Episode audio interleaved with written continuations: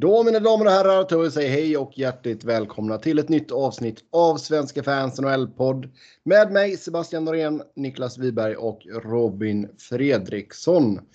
Det eh, finns lite grejer att gå igenom här idag. Eh, positiva covid-19 resultat bland annat. Sedan så eh, ska vi ta och snacka Buffalo som har eh, gjort lite, lite eh, förändringar i ledningen. Uh, och sen har vi även en kontraktsförlängning uh, av Ryan Reeves att tala om. EP-tävling och era lyssnarfrågor. Men uh, ja, först ut då. Tampa Bay var tvungna att stänga ner sin träningslokal efter att 11 spelare och ledare hade testat positivt för coronaviruset. Var det inte 11 totalt i ligan? Det var väl inte 11 hos Tampa? Var det, var det inte 11 hos Tampa? Jag har tolkat det som 11 i ligan under den här... Eh... Jag tror att det var två spelare och eller något sånt där och tre staff members eller något sånt där hos Tampa. Eller? Ja, det är min tolkning. Ja, ah, okej, okay, okej, okay, okej. Okay. Three ja, players and two staff. Ja, det var jag som hade det om bakfoten där då. Mm. Pudla direkt. Ja. Bra start. Ja. Ja, där får 11 players have tested positive. Ja, vi kan ta och börja om igen. Det kan vi göra. Mm. Kör, kör igen. Va? Jag klipper, jag, jag, jag, jag klipper bort det här. Du, du, klipp, du klipper ju aldrig någonting. Nej, det är klart jag inte gör. Nej. Ska jag göra det för? Nej, exakt. Varför göra, varför göra extra jobb? Kör, kör igen. Men i alla fall. Rättelse då. Tre spelare i Tampa plus additional staffers. Två.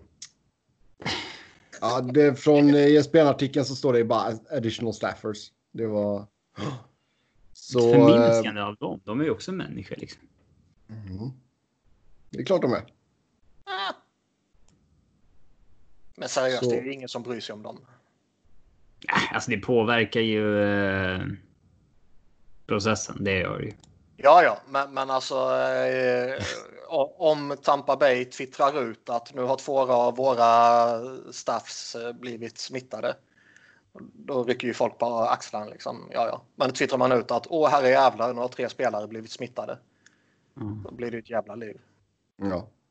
ja det har ju varit eh, ett upptick när det kommer till antalet fall i eh, Tampa eh, som stad. Och eh, delstaten Florida. ja. Eh, där man var sena med att stänga ner och snabba med att öppna upp. Ja, kan man lugnt säga. Ja, ändå alltså. De, spelarna är ju inte isolerade nu. De är ju fortfarande liksom. De får rätta sig efter typ vad man själva vill och vad restriktionerna säger typ liksom. Mm. Om inte lagen själva kommer med några rekommendationer och sånt där, det vet jag inte. Men, men liksom den här att man går in i bubblan, den kommer först i ett senare skede och bli isolerade på riktigt är liksom först när de kommer tillbaka officiellt och kör eh, training camp och börjar spela och så här liksom. Och, och liksom det, fan, det är väl inte det minsta konstigt att spelare blir smittade om de inte är isolerade liksom. Nej. Jag, jag, fick, jag fick ändå intrycket, jag vet inte om, om, om ni fick samma, att folk blev liksom typ chockade att spelare blev smittade. Ja, ja så är det. Men, ja, men det är inte de så ju, konstigt. De löper ju samma risk som alla andra. Det, ja. liksom, det räcker ju att... De går på toaletten som alla andra. Jo, jo men, ja, men alltså vadå, det räcker ju egentligen att du beställer hem käk och så han som, eller hon som levererar ja. käket. Ollatten eller någonting liksom. alltså. Nej. Fan vad äcklig du är. Typ nej. Nej, men det räcker ju att de är, liksom är carriers och så ja, är du smittad på det sättet liksom. Jo, men liksom bevisligen så... vet man att det finns spelare som skiter i det. Ja. Det är de det som är det stora problemet. Ja, jag vet inte riktigt, men uh, det kanske är bättre för dem att uh, självisolera sig hemma inför säsongen än att åka ut på stan och göra coola musikvideos. Ja. Du tänker att någon slickade på den här vattenskoten innan? Nej, men liksom seriöst, fan om... Det är klart spelare och folk kommer bli smittade liksom. Precis som alla andra kommer bli ute i, i samhället om, om man rör sig ute. Liksom. Det är ju oundvikligt. Och jag, liksom, givetvis kan det påverka uppstarten såklart. Men som, som jag sa tidigare, jag blev fan chockad på hur många som blev chockade att spelare kunde bli smittade. Du blev chockad över chocken? Ja, men typ. Det var väl kanske att det kom från inga, alltså det var ju så här. Vi hade inte hört några nyheter. Sen så var det så här. Ja, boom. Det är 11 stycken. Ja, visst. Så är det väl. Mm. Steve Simmons rapporterar ju bland annat att Austin Matthews har testat positivt. Mm, vad tycker vi det? Att man uh, breakar vem det är? Eh, jag tycker inte att det är något problem egentligen. Eh, jag tycker snarare att det är ganska rimligt. Det kan ju varit någon som fick en autograf av honom för två dagar sedan eller något sånt där som kanske kan veta det. Liksom. Kan, mm. Alltså. Men ja, det är ganska typiskt att det är liksom. Alla annan media håller hemligt vem som är smittad av vad. Eh, av liksom vanliga etiska och juridiska skäl. Så är det såklart Steve Simmons som går ut med namn på ja. eh, vem det är. Det, jag menar, jag är rätt säker på att Elliot Friedman och Bob McKenzie satt på samma info med vad att inte göra det. Så är det Det är jag helt övertygad om. Eh, det finns ju en, eh, det finns ju en problematik som inte bara är moralisk utan större än så i att gå ut med folks eh, liksom ens hälsotillstånd och sånt här är ju liksom inte offentliga uppgifter och hela det köret. Nej, alltså nu vet, jag, hur, nu vet inte jag hur reglerna är för Simmons i och med att han är i Kanada och men alltså hade det varit en... Ja, där kan man inte stämma folk. Nej, men alltså säg att jag, nej, men, men helt seriöst, säg att det hade varit jag som hade gjort det mot uh, Matthews. Eller Ekman Larsson. Jag är i USA. Matthews, vi antar då att han testades positivt här i USA. Då har vi ju hippa regler. Du har buggat hans telefon och så kommer Exakt. det ut. Ja, jag har satt upp webbkamera överallt. uh, nej, men alltså då... Och så, så här, släpper en sån artikel. Mm. Uh, watch Austin Matthews get his test result. Reaction. Reaction, exakt. Han no, no clickbait. hemma hos Austin Matthews. Ja. Mm. Nej, men då, då finns det ju alltså det hippa då som det heter. Um, där det inte är lagligt att, att släppa någons uh, medical. Uh, ja. Det där har ju vissa anammat liksom i AIK har haft lite, ingen sån grej i fotbollen här, att de går inte ut med vad spelare har för skador. Och så har de fått frågan varför så säger, så säger de liksom att eh, ja, men vill du att eh, din chef ska gå ut med liksom eh, info publikt och till alla andra anställda varför du inte är på jobbet om du inte är där. Liksom. Eh, men jag kan ju tycka att det är lite annorlunda inom sportvärlden faktiskt. Det är liksom en offentlig ja, miljö på ett annat sätt.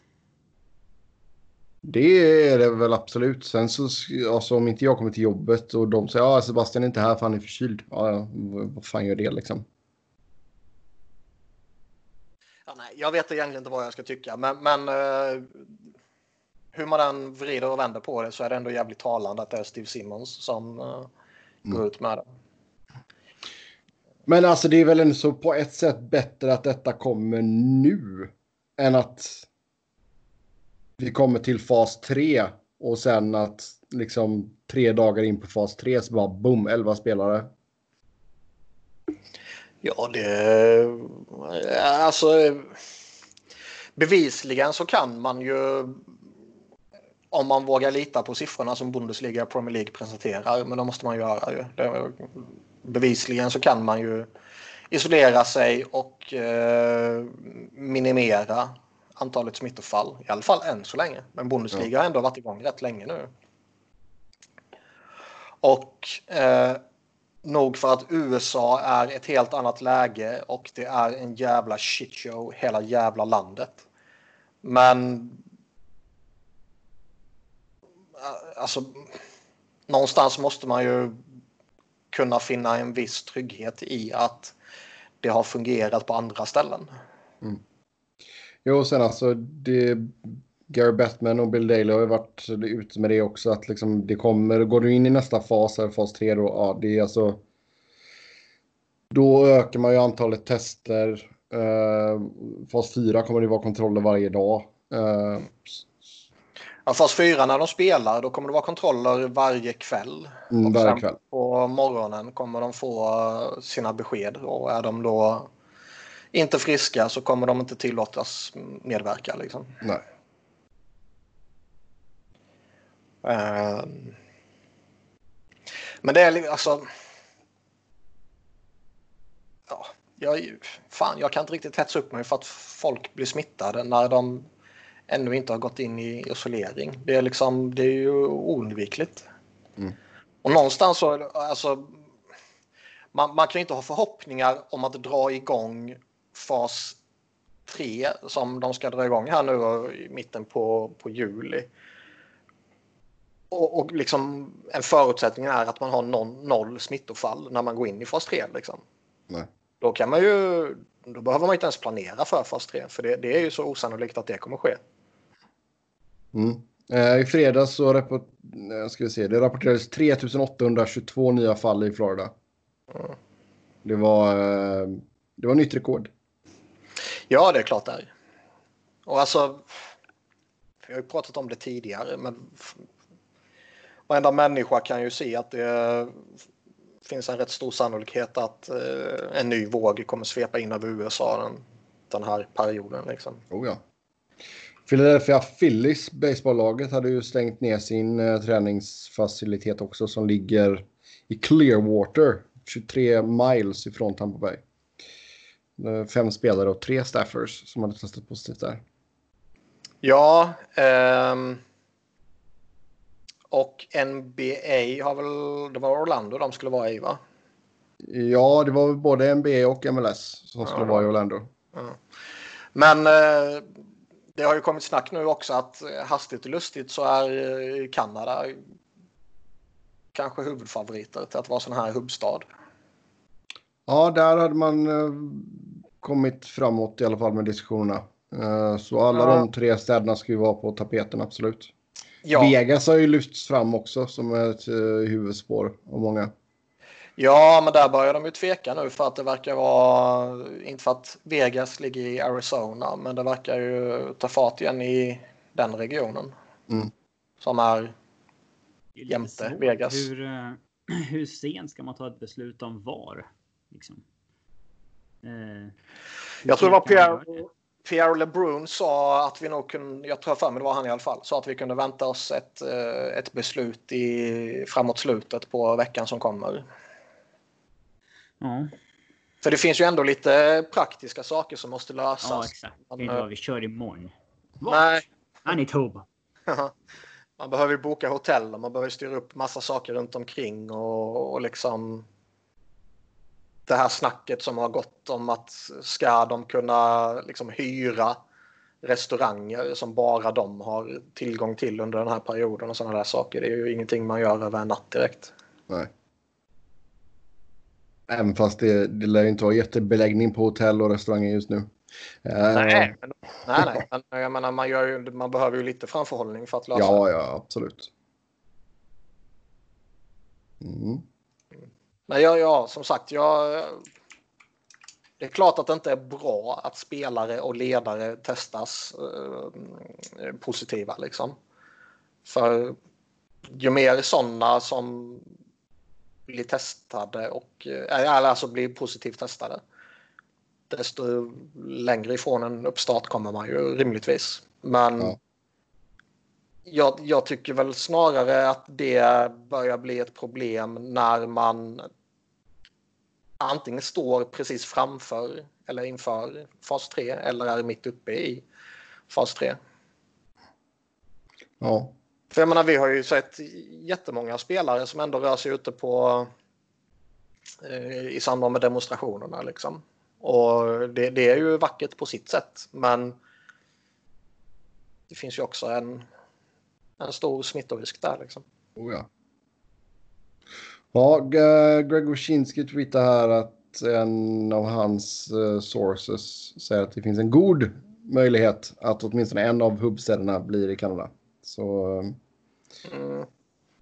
Det verkar väl som att det är Vancouver och Edmonton som har uh, där läget är bäst för tillfället. Men Ja. att Toronto fortfarande är aktuellt. Och alltså fan, det är ju först nu egentligen som, som i alla fall jag börjar tänka på att vad fan, ska de spela i Vegas och Vancouver kommer det ju bli skittider.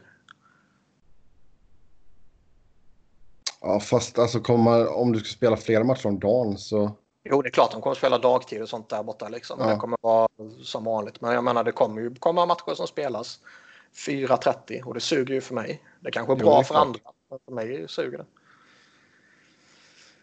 Ehm, Alltså jag försöker bara tänka rent spontant där, men alltså om säg att du ska spela, vad säger vi, fyra matcher om dagen.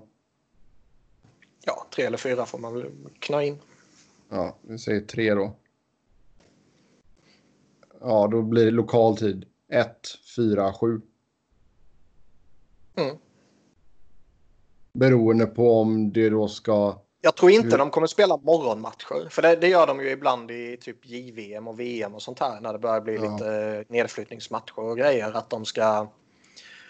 Ja, de, de behöver hinna med så många matcher som möjligt. Liksom. Och då kan de ibland spela vid 11-tiden, lokaltid eller vad det är. Mm. Men det känns som att det, det tror jag inte NHL kommer göra. De kommer nog inte gå in på isen tidigare än lunchtid som när de kör sina vanliga matinéer. Liksom.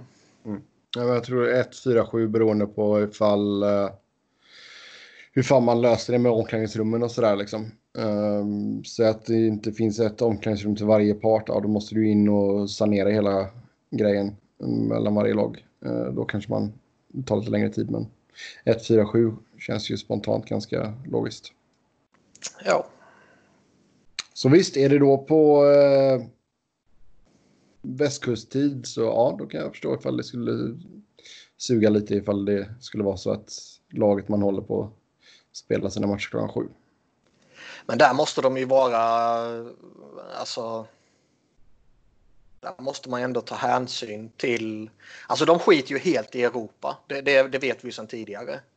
Att ta hänsyn till supportrar i Europa är totalt ointressant för dem och det kanske man inte ska bry sig om nu. Nu kanske det är viktigare att bara få ihop skiten än att ta hänsyn till att det passar alla givetvis. Men Mm. någonstans måste man ändå ta hänsyn till liksom. Alltså ska östlagen spela i Vancouver så måste man ändå ta hänsyn till så att liksom samma lag, ta Philadelphia i mitt fall, liksom inte bara får de senaste matcherna. Nej. Utan att man fördelar runt det lite. Det vore jävligt konstigt annars ju. Jo. Helt, helt sant. Alltså det är ju, ja. Det är som vi säger, det är ju fortfarande mycket grejer som inte är satta i sten och grejer som ska falla på plats, men det... Mm, vi får se vad som händer på fötter. Eh, men det lär komma fler fall, så eh, det kan vi vara säkra på i alla fall. Buffalo då. Här har det hänt lite grejer. Ja. Så vad ska man börja? Alltså, Ja, Vi kan börja med att säga att de för typ tre eller fyra veckor sedan eh, bekräftade att Jason Butterill skulle stanna. Ja. Ja, och så här, då fick de ju kritik och så sa de att "Nej, men vi vet saker ni inte vet och så vidare. Och, så, så är det väl till viss mån, men det låter ju rätt drygt liksom. Eh, Men det blir ändå, alltså de sa ju Sen- det nu också att vi, vi, vi, eh, vi ser saker som media och fansen inte har koll på liksom. Och det, fan, det klingar inte bra alltså. Ja, det, det fattar väl alla att de, att de har ju ofta mer information på. På bordet. Ja. Men. Eh, eh, alltså. Det är konstigt att man liksom tar stormen att att stå fast vid Botterill först. Sen när stormen har lagt sig. Ja, då kommer det ut och skicka honom. ja. Ehm, Det har, det har väl också snackats lite om att när de sa att han eh, skulle vara kvar så verkade det fortfarande som att ah, men draften kanske snart kan ske. ja. Och då måste vi behålla honom typ. Och nu, sen, sen fick de reda på att draften den kommer ske långt bort utav helvete till, till vintern. Så eh, nej, då skickar vi han. Är det bekräftat med draften? Den är bekräftat att den sker efter säsongen. All right. Så typ oktober eller? Ja, typ. Eh, ja, men typ förtjänar Bottrell kicken? Alltså. eh, Man kan väl alltid tycka att egentligen är ju typ tre år för kort tid för en GM att kunna sätta sin prägel på ett lag. Han har gjort lite dåliga grejer, men Ja. eh, alltså, han kom ju ändå in med orderna om att förändra saker. Eh, det är klart att jag tycker inte att han på pappret har gjort så mycket dumt. Liksom. Det, nej, jag tror snarare alltså vad, vad man kan.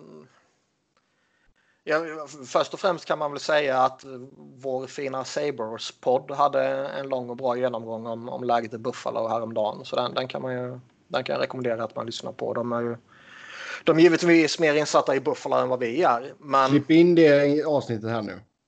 jag klipper inte, det vet du. Taskigt emot deras podd. Vi klipper in hela avsnittet i Hela avsnittet. Så man inte behöver lyssna på dem. Ja. Men, men ehm, vad man har lyckats förstå här när, när, eh, när man har läst lite och vad som har sipprat ut och sådär är väl att det fanns rätt stora meningsskiljaktigheter mellan allihopa. Och det snackas väl lite om att det var ownership som eh, tryckte på lite kring både Jack Eichel och eh, Jeff Skinners kontrakt medan han kanske ville eh, göra lite annorlunda i, i hur man la upp kontrakten typ liksom. Mm. Kanske ett litet mer take it or leave it offer till Skinner. Eh, Ja, sen har det väl snackats lite om att Botterill ville spendera pengar och Pegulas vill spara pengar. men på vad? Alltså de använder ju redan. Alltså vadå? Nej, nu alltså. eh, Buffalo var ju ett av lagen som behandlade sina såna här part-timers rätt eh, illa. Alltså de som jobbar omkring matcherna. Mm. Det var ju mycket snack där när de ställde in matcherna och vissa lag gick ut jättefort och sa att vi kommer betala ut lönerna även för matcherna som inte spelas och andra lag sa eh, nej, nej, vi får se om de återupptas.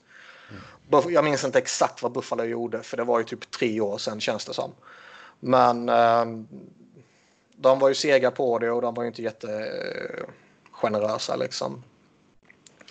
Och det har väl eh, Alltså det börjar pratas på lite olika håll nu att det, det är inte alls omöjligt att flera, flera lag behöver spara pengar nu under eh, Alltså med tanke på alla effekterna efter corona och ja. sådär. Och eh, om man då inte är överens på hur man ska gå vidare och det som de säger också att det liksom det fanns för många delade åsikter. Jo, alltså, men det var ju alltså man. Det var ju hej då till Botterill. Det var assistant GM 16 Greeley. AHL headcoachen Chris Taylor fick gå och hans två, två assistenter där, Denino och Peterson. Det är en lista på 22 man. Du kan inte Ja, läsa upp alltså, alla. det- nej, nej, men alltså jag tänkte, nej, men alltså, jag tänkte inte läsa upp alla. Det Eh, tänkte du Jo, visst. det Nej, var... det tänkte jag inte alls. Jo. Jo. Vem var det man sparkade av misstag? Eh, Han som var IT-ansvarig. Ja, okej. Sparka honom, kommer på att nej fan, du ska inte vara sparkad. Vi, vi anställer dig igen. Vi tar tillbaka dig. Ja. Kom på att han, Men Bara han som kan lösenordet. han kan bara lösenordet. Det är eh, bara han som kan radera deras browser history. Ja. Ja. Men alltså vi snackar Ah. ändå så om en klubb nu som har sen 2011 gått igenom sex coacher, fyra GMs och man har inte tagit sig till slutspel en enda gång. Nej, och man kan inte... Alltså det talar egentligen för att Bottery borde ha varit kvar. Att man kan inte byta GM vart tredje år. Det kommer inte gå liksom. Det intressanta här är ju att man, man liksom, alltså det, var ju, det har varit mycket snack liksom att det, det, finns för många olika åsikter om hur man ska göra saker. Och liksom nog för att jag kan tycka att det, det finns liksom en, en poäng givetvis i att organisationen har en samlad bild av hur man ska göra saker i största allmänhet. Så att alla är med på planen. Liksom. Men man ska inte bara ha massa ja-sägare. Nej. Jag, jag anser ju det att det är hälsosamt att eh, man kan säga ifrån och man kan säga att nej, jag tycker inte vi ska göra på det sättet. Och sen så argumentera eh, om vad det nu råkar vara. Ett kontrakt eller trade eller någon draftval eller vad det skulle vara liksom. Men det blir ju man får ju lite intrycket av att Pegulas, nu när de utser Kevin Adams här som har noll erfarenhet och verkar vara deras förtrogne, liksom att de utser honom, att de bara vill ha en som de kan styra, typ. Och det är också en, en balansgång där. Liksom. Vill man ha ägare som engagerar sig? Eh, ja, det vill man ju, men de ska inte engagera sig för mycket. Liksom. Nej. Ja, det verkar... Alltså det, det verkar ju som att de är ganska... Eh, alltså ända sedan de kom in så har det ju varit liksom mycket ägarfattade beslut som liksom rör sporten ganska mycket. Mm. Alltså ända från eh, Ville Lejon och kontrakt och liksom... Eh, ja, tills nu då. Um, och liksom hur, hur engagerade ägare behöver man i hockeyn egentligen? Det finns ett lönetak. Eh, alltså. Mm. Det är inte som i fotbollen. Liksom. Uh, Nej, så är det ju. Sen någonstans måste man ha respekt också för att liksom, fan skulle jag äga ett hockeylag eller fotbollslag då skulle jag ju vilja vara med och bestämma liksom. Mm. Ja. Uh... Du hade varit en horribel ägare. Ja, det vet jag. Men jag skulle fan varit med och bestämma. Ja, men då är det ju bättre att du utser dig själv till ägare slash GM liksom. Ja, det är mycket möjligt. Men alltså det finns ju mycket tråkigt day to day som man inte pallar göra. ja, ja. Det är då du kör en assistent som får göra allt det tråkiga då. Nej, men, nej, men liksom, skämt åsido, det, alltså det finns ju... Som flyer-supporter så har man ju upplevt både fördelarna och nackdelarna med en djupt engagerad ägare genom åren. Liksom. Och eh, i Flyers fall så är jag helt övertygad om att Ed Snyder har en inte helt eh, obetydlig del i att det inte blivit någon mer titel sedan 70-talet. Men jag är också helt övertygad om att Flyers inte skulle vara så framgångsrika som man ändå har varit sedan man grundades utan Ed Snyder. Liksom. Så det är en, mm. det är en jobbig balansgång där i, i ägarengagemang. Men eh, Pegulas verkar ju vara suspekta och börjar det nu bli så att de eh, behöver spara så är ju frågan vilken riktning den här organisationen kommer ta. Ja, alltså nu vet inte jag exakt hur mycket pengar han har pumpat in, men han, är ju, han var ju ganska öppen med när han, tog, när han köpte laget att det var, inte, var några, det var inga problem att spendera liksom. Nej. Men det har de gjort också. Mm. Köpt ut spelare och spenderat i taket och så vidare, så det, det går inte att klaga på. Mm. Um, men ja, nu utser de ju Kevin Adams då till permanent GM. Eh, så vi får väl se om det nu är så att han har varit deras. Det verkar som att han har varit deras. Eh, Snitch. Ja, antingen yes man eller liksom deras hockeykille som de har haft förtroende för. Eh, sen de kom in. Mm. Och det kan ju antingen. Eh, alltså antingen kan det ju vara bra att de liksom eh, nu litar på vad Kevin Adams vill göra. Eh, eller så ja, kan ju gå åt helvete också såklart. Men eh, eh, om det nu är den här killen de har förlitat sig på liksom eh, under alla år egentligen, då kan de väl lika gärna ja, ge honom ratten på riktigt. Eh, Kevin Adams är ju... Han har inte haft så mycket hockeyrelaterat som jag fattat de senaste åren, men eh, alltså det är en, alltså det är en gammal NHL-spelare och sen så har han ju varit assistant coach och development coach och så vidare innan han blev eh, i någon form av direktörsroll i Buffalo. Eh, så... Det är ju en hockeyman. Ja, det är det ju. Även om det inte känns så. Alltså han har ju inte haft någon någon bestämmande position inom sporten de senaste åren. Um.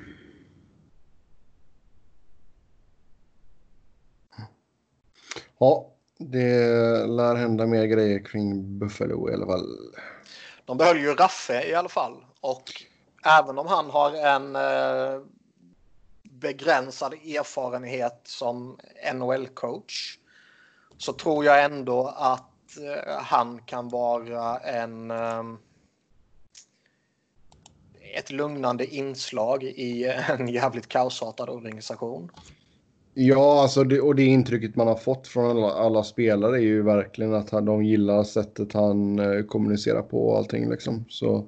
Nej, men han verkar vara bra så. Han, han, alltså, all jävla erfarenhet han har utanför isen på mm jag menar, man, chairman var han väl i Southampton, har jag för mig hans titel var. Då har man ju byggt upp ett CV liksom som, som gör att man behärskar mer saker än bara stå på bänken så att säga. Ja. Så jag tror det kan vara viktigt att behålla han inom organisationen. Och eh, man får väl anta att han kanske inte 100% står bakom allt det här, men kan acceptera det. För gör man inte det när typ hela kontoret får sparken, då lämnar man ju själv. Liksom. Ja. Och så verkar inte bli fallet. Sen vet man ju inte, de ska inte spela igen förrän i januari kanske. Så. De kanske har en ny GM till dess också. Ja du. Ja. Mm. Uh, uh.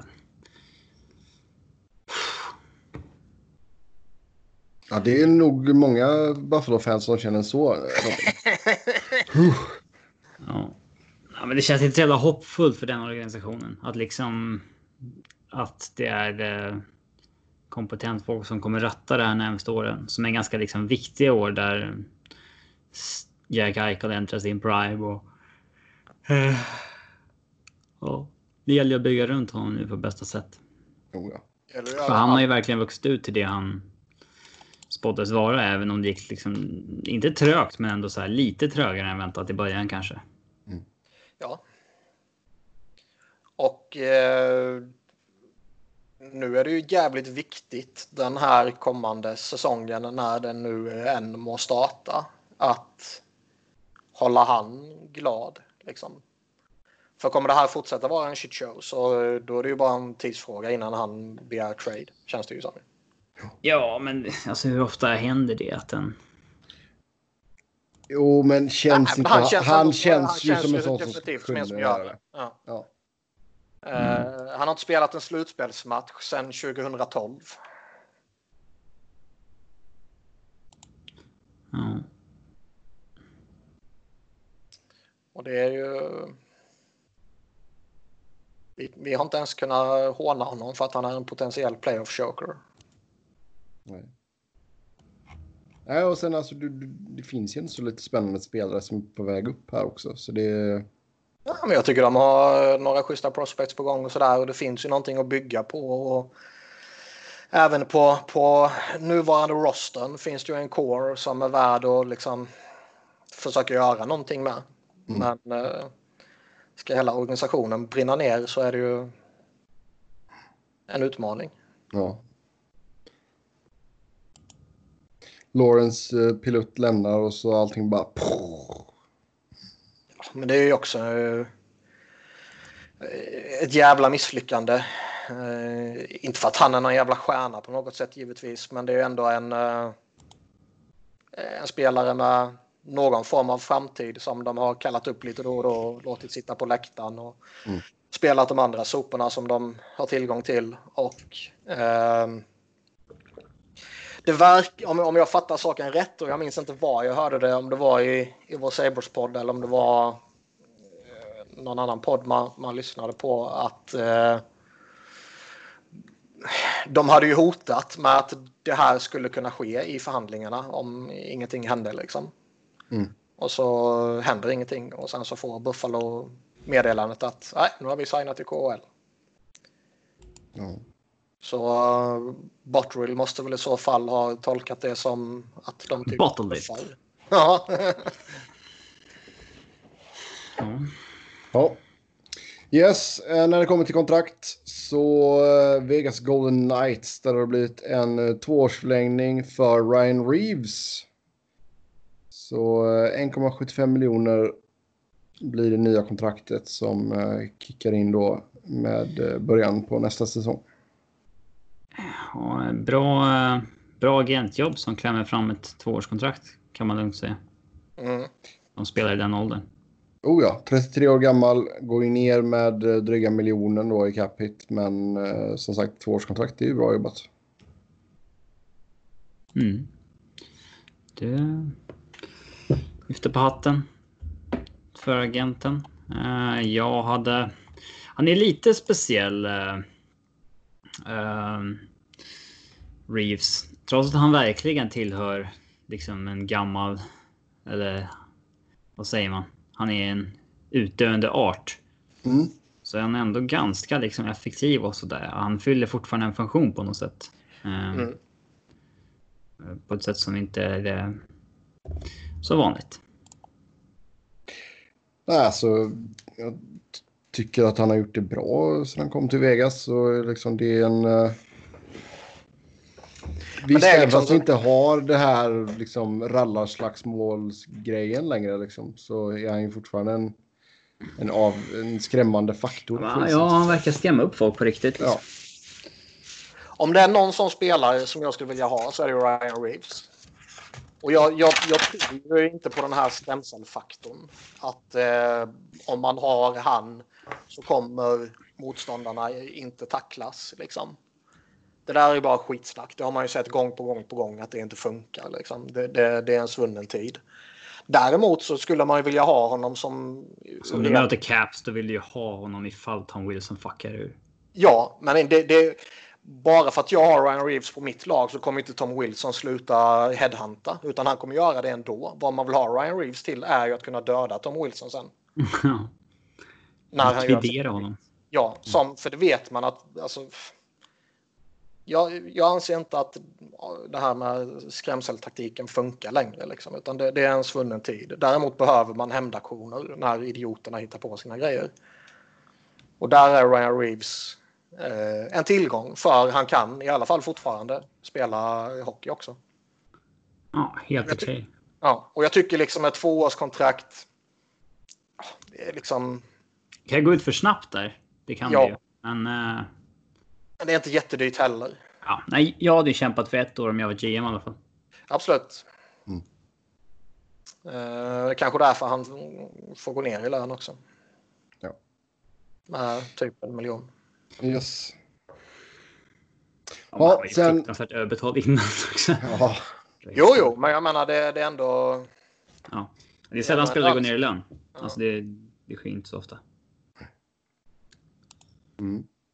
Sen har vi eh, anklagelserna kring CHL där Daniel Carcillo och en annan för detta CHL-spelare har eh, startat en class action lawsuit mot eh, ligan. Um, kan väl rekommendera att alla går och läser artikeln. Du kan väl läsa upp i detalj Ken Campbell. Nej, fan alltså. Ken Campbell eh, skriver en artikel om detta på The Hockey News som um, kan vara bra att läsa. Fan att gå in och läsa. Det är uh, fan hemska grejer. Om ja. allting stämmer så lägg ner ligan, bränn upp allt. Liksom. Vill ni förklara varför liksom, stämningen sker mot liksom ligan här? Alltså är det deras ansvar på något sätt att saker och sånt där inte sker eller? Hur funkar det rent juridiskt? Ja, du, tjena. Advokat Wiberg, tar du den frågan? Vad... Ja, men det är ju samma sak som att eh, stämma ligan för, hjärn, alltså för att man har haft hjärnskakning och spelat med det. Liksom. Ja, jag Var, vet. varför är liksom ligans kan, fel eh, på något sätt? Eh, om jag kan skumma igenom allting snabbt här på The Hockey News och se om det... Nej, Alltså detta kom, det var ju tre dagar innan den här artikeln kom ut. Den här artikeln kom ut den 18 juni. Tre dagar innan så var det ju en för detta spelare som, eh, som hade sagt att när han var rookie i Kitchener Rangers 2016 så var, blev han inlåst i ett badrum och tvingad att sn- snorta kokain. Ja, det är sjukt att han inte gör det frivilligt. Ja, De tvingar mig, säger man. Nej, men alltså ja, och det där att bli tvingad in i ett badrum och bli tvingad snotta kokain. Det är ju jävligt illa, men det är ju inte i närheten att vara det värsta.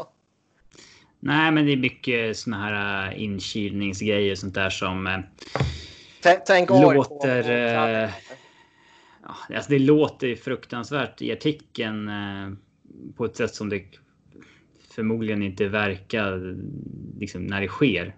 Men alltså, om man tar ett par steg tillbaka och tittar på det så äh, inser man nog hur sjukt vissa grejer är egentligen. Ja, alltså det är ju penalism på högsta nivå liksom. Ja, och allt sånt där alltså. All liksom eh, sport som eh, ja, framförallt killar utför i ungdomsår och uppåt måste ju liksom lägga av med alla såna där liksom eh, inkilningsgrejer och grejer. Alltså, för det spårar ju bara ur. Alltså nollningar och sånt där. Det är ju bara. Det, blir ju bara skit av det liksom. Ja. Nej, Alltså, som sagt, läs den här artikeln. Det är... Ja, vi får, alltså, vi får se vad som händer med detta. Men... Ja, precis som vanligt så har ju nu folk gått ut och sagt att nej, nej, det här stämmer inte alls. Det, det är liksom han. Ah, vad heter han? Han den spelaren som eh, följer hela hockey-Twitter. Eh, Zach Boychuk. Ja, Han har sagt att det Eh. inte stämmer, eller vadå? ja, visst var det han. Han var ute och sa att nej, men det, det här har inte jag alls märkt av. Så var det inte för mig. Och därför är de här. Alltså, så kan det ju och därför. Ja, och typ där, därför är det här inte sant. Liksom. Ja, Det är, exakt. det är svårt att bekräfta vad andra personer har, har Ja. inte varit med om. Ja, det som liksom inte har hänt mig kan ju ha hänt Sebbe. Liksom. Oh ja. Ja, men och sen, sen är det många som liksom... Många av de som är kritiska till detta är ju, är ju snabba på att påpeka att det är Carcillo också. Ja, och liksom Car- Carcillo är ju... Alltså när han spelade och när han härjade som värst så skulle man ju för tio år sedan skulle man ju aldrig någonsin få för sig tanken att han skulle bli en av de absolut viktigaste rösterna Nej. för att ta strid mot hockeykulturen. Liksom. Men det är ju faktiskt så det har blivit. Ha- Han går ju i frontlinjen för det var han som liksom var den stora rösten om man tar i, i liksom vem som vågar säga någonting som Mm. Faktiskt har, har gjort något i ligan när det kom till de här våld mot huvudet och CT och sånt här. Och det är han som går i frontlinjen här också. Liksom.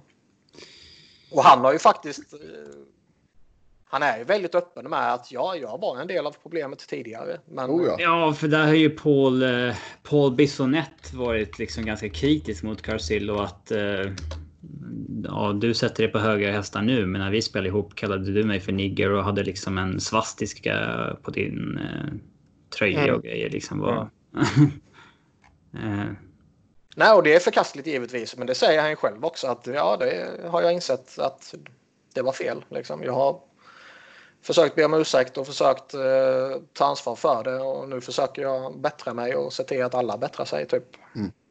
Ja, det är ju bättre, alltså det är bättre än att eh, Ja, herregud. för evigt ska vara bannad från att göra bra Mm. saker. Mm. Ehm, Nej, och liksom, det, var, ju- det var ju folk som liksom bara, ja men tro fan att han var med och kila in nästa kull och du vet sådär bla bla bla. Och Och det är mycket möjligt att han var. Men det tar ju fortfarande inte bort från det som allegedly har hänt då liksom. Nej, så är det. Så, och jag menar även om hälften av de här grejerna stämmer så fy fan. Ja. Vad är det som har hänt oss? Sebbe? Helt ärligt så är det ingenting jag vill läsa upp. Alltså de... Det har ju Ja, men- varit allt ifrån liksom grova sexuella trakasserier och eh, Ja, sexuella... men spelare liksom, ska tvingas äta sperma och sånt där när de liksom Ja. är nya i laget och sånt där. De har blivit pissade på och de har, det är någon anklagelse på att de har nästan har blivit penetrerade av en hockeyklubba liksom. Ja. Eh, Så det, det är ju... Boys will be boys. det är ju sjuka grejer. Och... ehm, Ja, nej. Det, det, det ska bli intressant att se vad, vad det här kan leda till om det kommer leda till någonting. Ja. Jag, jag var aldrig med om någon så här runktävlingar och sånt där i min omklädningsrum när jag växte upp. Man hörde ju rykten om det, men det var alltid så här. Ah, det där kan ju inte ha hänt på riktigt. Liksom. Nej. Men eh, jag vet inte, de är väl kanske lite mer extrema i staterna. Det är mycket möjligt. Ja, ja, ja. Ingen aning. Sen är det ju alltså pro- problematiken som finns här och som kanske eh, i och för sig om man killgissar lite är anledningen till att man vänder sig mot ligan. Det är ju liksom inte bara att de... eh, Det är ju inte bara spelarna de anklagar. Liksom. Nej, coacherna. Det är coacher som har andra ledare som har vetat om det här och som har eh, inte förhindrat det och- till och med medverkat i vissa fall. Och, och Mm. Då kanske man måste vända sig till ligan. Liksom. Jag vet inte. Ja, men så att vi får ta och följa den här så får vi se ifall det är fler spelare som ansluter sig till den här stämningen och så vidare och så vidare. Man, man, man har Ehm, inte sett oerhört mycket som är så här liksom att eh, folk som stämmer in och sådär. Liksom. Alltså att jo, men det här. Jag har inte sett det i alla fall. Nej, men alltså det, det kan ju ta ett tag också. Det är kanske inte alla som är jättebekväma med att liksom... Ja, men med, om vi jämför med eh, alltså när det här med coacherna. Alltså när det breakade i NHL för.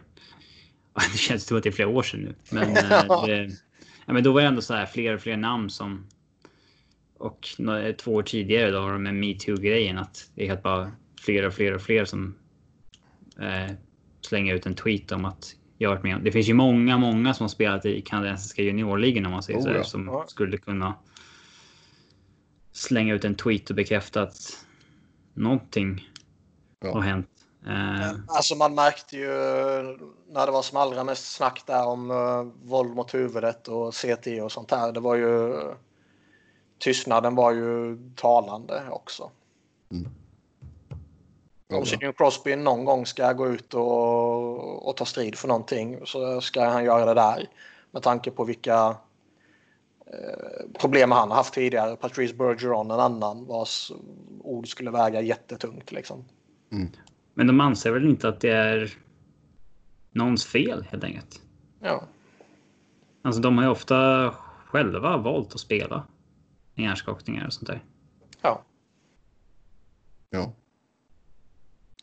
Ja, som sagt, vi får se vad som händer för att det där. Vi... Eh, ja, det är ju ingen, lätt övergång till någonting annat från en sån här skitgrej, men eh, vi Man, går till man, det. man undrar ju om det är mer känsligt också när det kommer till andra spelare. Alltså, alltså det kanske är en annan grej och som var inne på här med coacherna där. Liksom, det kanske är en annan grej att svinga lite mot en coach som eh, man inte kommer ha något att göra med längre. Liksom. Nej. Men gå ut och Det svinga borde vara tvärtom. Svårare att svinga mot de som tar ut lagen. liksom, Jo, men du vet, att svinga eh, mot någon lagkamrat som Jo, alltså, men spelar ett annat lag nu. Och är, svingar man mot Mike Babcock efter han har fått kicken och det har liksom tagit den farten det har blivit där så kanske det är relativt liten sannolikhet att man kommer behöva spela under honom. Där kan, däremot kanske man måste spela mot 20 stycken som man hänger ut. Ja. Och eh, det kan ju ta hus i helvete. Jo. Ja, alltså det är väl mer ifall det är så att det mm, skulle vara många före detta spelare som kommer fram liksom. Ja. Sen vet man ju inte ifall det kanske, det kanske har eh, försvunnit med åren. Det vet man ju inte. Men liksom, nu snackar vi inte så om den här tidsperioden där Carcillo var i, i CHL. Det är ganska länge sedan nu. Um, Ja, jag vet inte hur relevant, eller inte relevanta, hur eh, tidsrelevanta exempel de har så att säga. Om det är, det är givetvis förkastligt även om det var för 10, 15, 20, 25 år sedan. Men eh, bara för att det skedde för 15 år sedan så behöver inte det betyda att det fortfarande sker. Liksom. nej. Och det behöver inte betyda att det inte sker. Nej. Så visst. Eh, ja. Yes, vi tar och går till EP-tävlingen. Niklas, du har kommit på några egna. Mm. Jag ska komma på en på uppstuds. det går inte. Det blir alltid lika bra när jag försöker göra det. Men eh, Niklas, varsågod och börja. Okej, jag har en snubbe här. Eh, 10 poäng. Den här odraftade spelaren kom in i ligan i ett westernlag men slog igenom i ett easternlag och har förlorat två Stanley Cup-finaler. Eh, odraftade spelare. Det skulle kunna vara Matt Molson som kom in i Kings men slog igenom i Islanders. Men han torskade två Stanley Cup-finaler. Nej. Tror jag inte va? Eh, är det Martin St. Louis? Vart kom han in? Kom han inte in i eh, Calgary? Eller något sånt där. Och sen... Eh,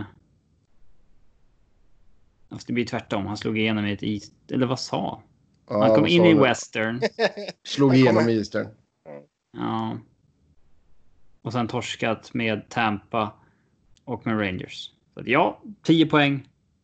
Marty St. Louis. Ja, det är så jävla tokfel. Är det? Åtta poäng. Men det stämmer på honom, eller? Eh, men Martin St. Louis har väl inte förlorat två Stanley Cup-finaler? Det har han väl gjort med... Nej, Ja, just han vann ju den första. Ja. Mm.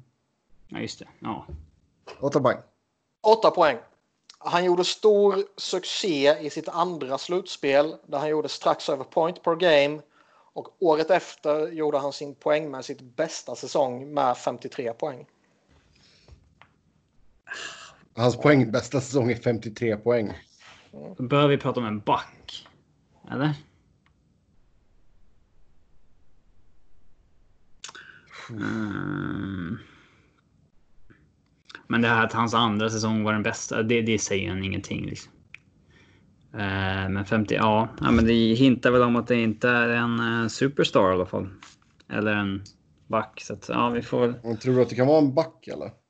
Det är klart det kan vara. Poängbästa säsongen är 53. Och det ska fortfarande vara en skill som är tillräckligt bra för att vara med i quizet. Ja. Man tar inte ut uh, någon som pikar på 53 poäng. Så här TJ Galliardi eller något sånt där. Ja, Det är inte TJ Gallagher. ja. Nej. Nej men eh, nej, det där är... Förvrängde bara saker. 6 poäng. 2011 tvingades han flytta från laget som han slog igenom i och han var aldrig i närheten av liknande siffror igen.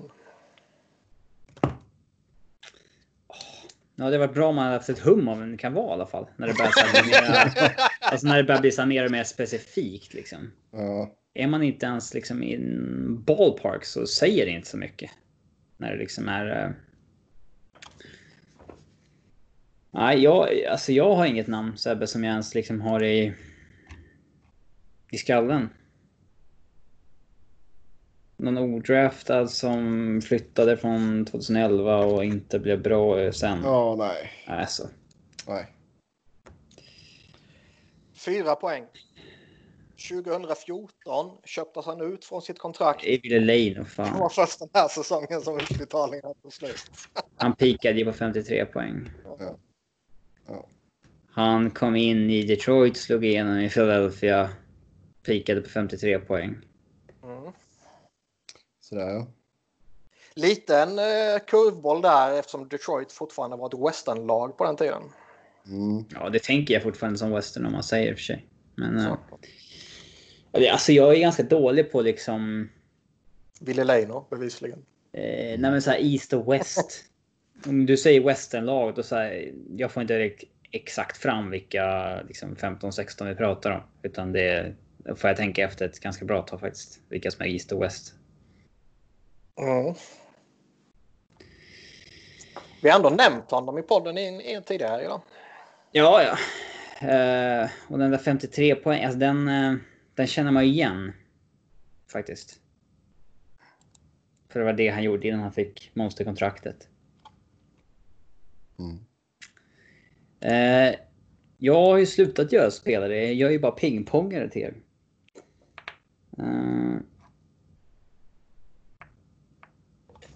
Jag skulle göra en på uppstuds här. Uh, 10 poäng. Jo då. Jag går och hämtar en läsk så länge. Du kan ju dra Nej. det för mig sen.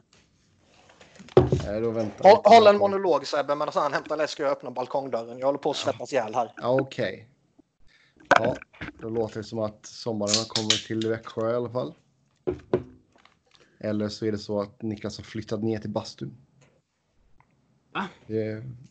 Nej, Niklas sa han skulle öppna balkongdörren. Då sa jag att då antingen sommaren kommer till Växjö eller så har han flyttat in i bastun. Vad säger du för skit? Jag sa att antingen så har sommaren kommit till Växjö eller så har du flyttat in i bastun. Uh, ja. Din nya poddstudio. Bastun. Exakt. Yes.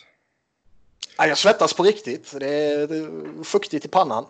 Så okay. varmt blev det av någon anledning. Ja.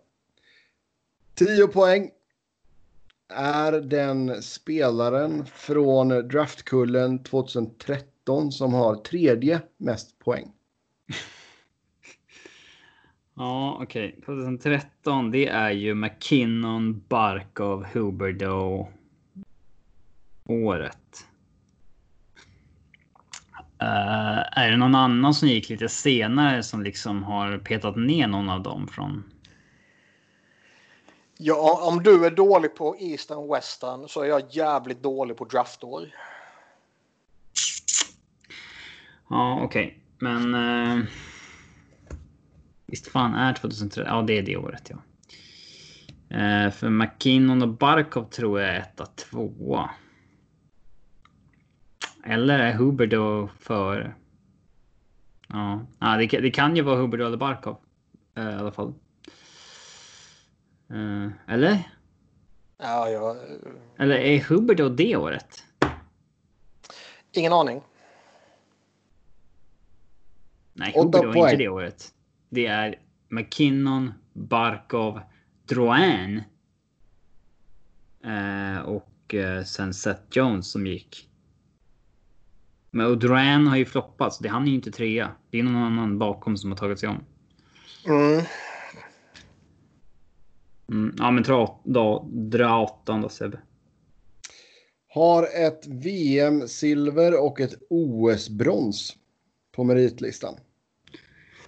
OS-brons? Då måste ju det vara Sochi 2014. Och vilka tog brons då? Det vet inte jag. Uh, det var inte Kanada. Sverige och Kanada gick ju till final. Och det var inte Sverige, nej. Vilka slog man ut på vägen? 2014. Jag gissar på att det antingen är USA, Ryssland eller Finland. Ja.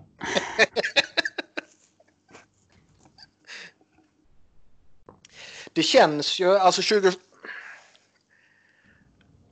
En sån färsk spelare som det ändå rör sig om. Precis draftad. Det var väl inte många sådana amerikaner med. Nej.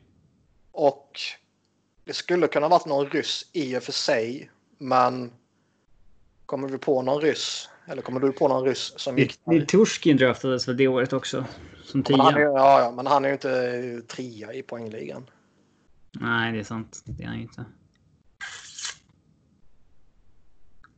Det är ingen kanadensare som är med i ett OS-lag 21 år gammal. Nej. Nej. Så var det med Barkov sa det va? Ja. Kan han ha eh, tagit OS-brons med Finland där?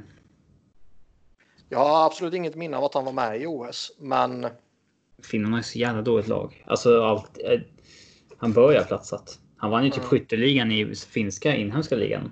Året Ja. innan han blev draftad. Alltså, ska vi pulla Barkov då? Det är för osäkert. Men vi, vi vet ju att vi hade rätt om det är honom nu. Så vi tappar inte någon cred på det. Liksom.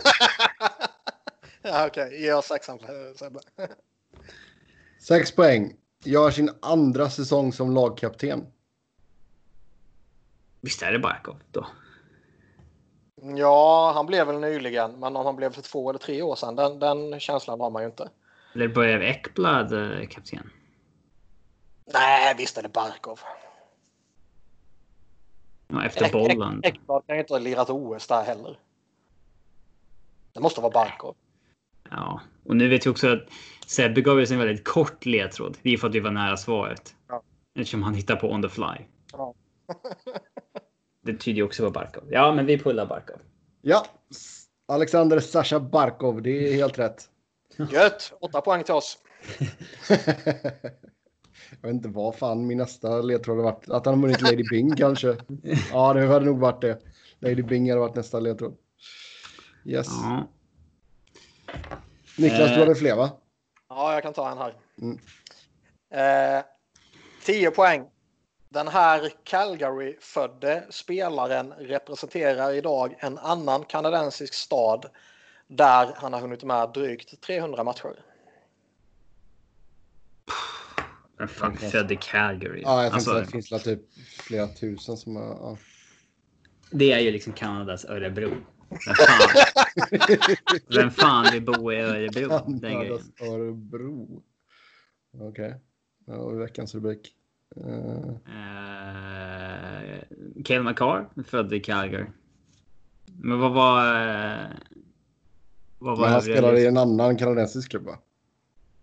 Ja, okej. det sa du, Ja. Men det igen. säger oss ingenting. Men det säger Nej, oss ingenting. nej, det gör det inte. Men det kan vara bra att höra den igen i alla fall. Den här Calgary-födde spelaren representerar idag en annan kanadensisk stad där han har hunnit med drygt 300 matcher. Drygt 300 matcher, okej. Okej, och du vet, vi vet ju fortfarande inte om det är en ung eller äldre spelare. För det är bara att han har gjort Nej. 300 matcher där. Ja, exakt. Åtta poäng. Tänk om vi pullade på den. Christopher Street. Man bara, Ja. Eh, 8 poäng. Han har vunnit VM-guld, men det blev aldrig några JVM-framgångar trots spel med brorsan. Bossan? Det där Så var han kom på de här jävla specifikt. brödraparen också. Han har en bror. Han har en bror. Han har minst en bror. Som han spelar JVM med. Ja, vad sa du exakt Niklas?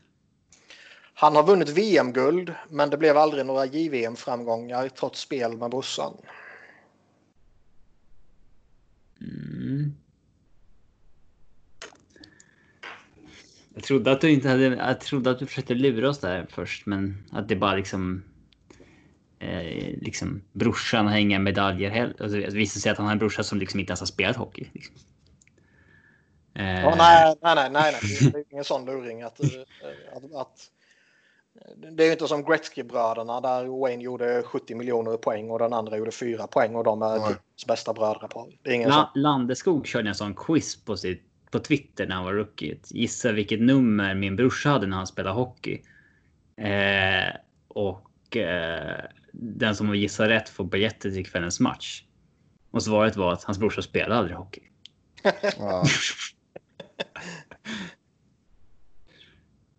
Men kanadensiskt brödrapar från Calgary alltså.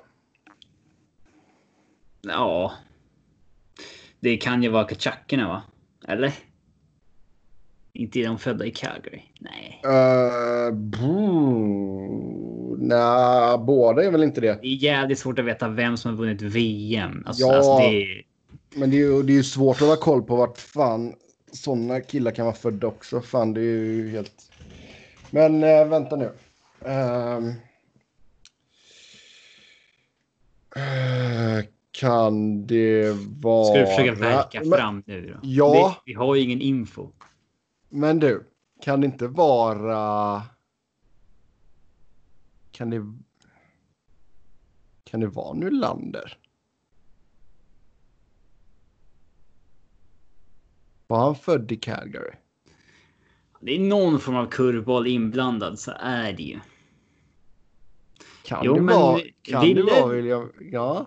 Har han gjort 300 matcher för Toronto? Ja, det måste han ha fan ha varit uppe i nu va? Ja. Ja, eh, han är ju född i Calgary i alla fall. Han har ju en bror. Ja. Spelar de JVM ihop? Ja, inte ihop. Kan de ha hunnit med ett? Ja, kanske det när Ville fick en tackling i skallen första bytet typ. Ja. Turneringen så han fick åka hem. Ehm, ja, men vi. Alltså, ja, vi kör på den här. Jag kommer inte få något bättre. Ja, man har ju alltid velat pulla William. Ja. ja. William Nylander. Ja, det är faktiskt korrekt. Yes! Ja, Ja. Försökte kurvbolla att det skulle vara kanadensiskt. Jag bara kanadensiskt brödrapar. Bara, eh. Mm.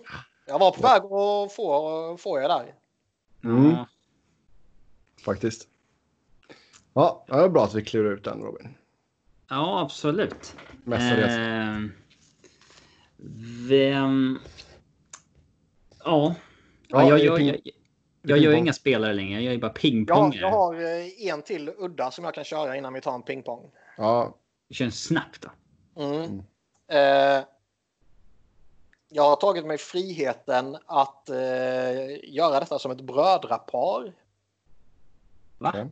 Och inte en spelare, utan eh, Ja, vi ska ju hitta paret. vi ska hitta brödraparet. Okej. Sundström. Jörgen och Patrik. Eller vad hette de? Regens. Nej, det är inte dem. Eh, och eh, Robin kommer förmodligen hata det här. Men 10 poäng. De här bröderna vann Stanley Cup-titlar tillsammans i Montreal. Och exkluderar vi Guy Lafleur har den yngre brodern gjort den enskilt bästa säsongen i Habs historia. Det var ju väldigt specifikt i alla fall. Ehm, det Richard, ehm, eller? det måste ju vara Richard. Ja. Vad, vad fan ska det annars vara? ja, jag kör på det. Det hade ju kunnat vara lite diffusa bröder, men eh, eftersom det är den bästa säsongen efter Gila Fleur så måste det ju vara Richard. Tror ni på fulla allvar där? Eh, hade Jean Beliveau någon bror, bror som spelade också kanske? Kanske. Ja, han gjorde faktiskt en match för dem. Åh, är det han då? Nej, Okej, men då är, då är det är ju så här. Det är, det är, det är inte eh, Richard. Och det är ett riktigt brödrapar. Det är ingen Wayne Gretzky-trams. Liksom. Okej. Ja, Jag vet inte något mer brödrapar på rak arm från den rika Habs-historien. Nej. Om det inte är när Kostitsin-bröderna spelade ihop för tio år sedan. Ja. Nej, de gjorde inte så bra. De, de, de vann cuptitlar tillsammans i Montreal. Ja, just det. det sa jag. Ja. Men eh, åtta poäng. Den yngre brodern gick som tvåa i tidernas första draft och blev AHL-mästare både innan hans NHL-karriär tog fart på allvar och när den tog slut. ja. Draft två år från första draften då. 68 eller vad är det? Ja, lite tidigare. Ja, 62 eller något sådär. Mm. Ja, vad kan det vara? Smith?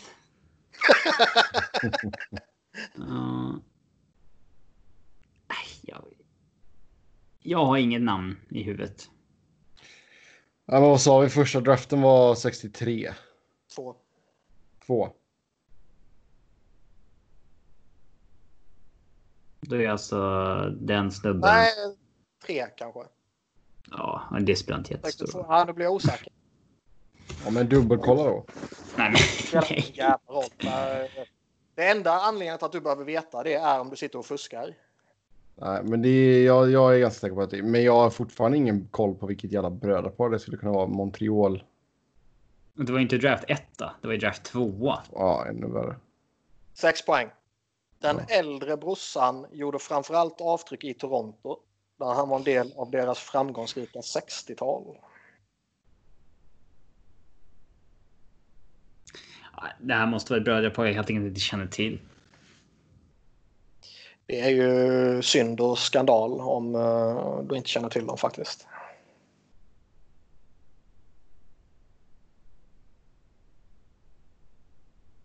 Har du något Sebbe? Nej. Nej, då får vi gå vidare. Oh.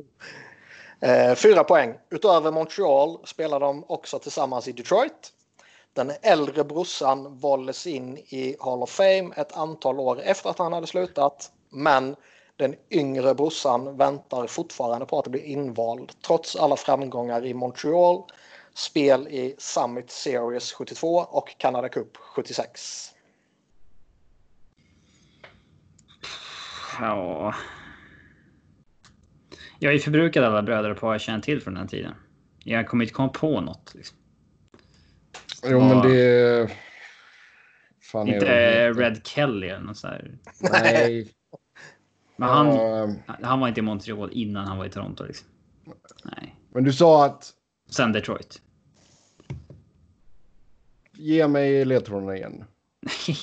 Jag pallar inte läsa upp allting. Ni får tvåan direkt. Nej. De, de kallades, Bi, Bi, nej, de kallades Big M och Little M. Ja, Mahavlovic. Ja, vad heter de? Frank och... Jag känner inte den andra.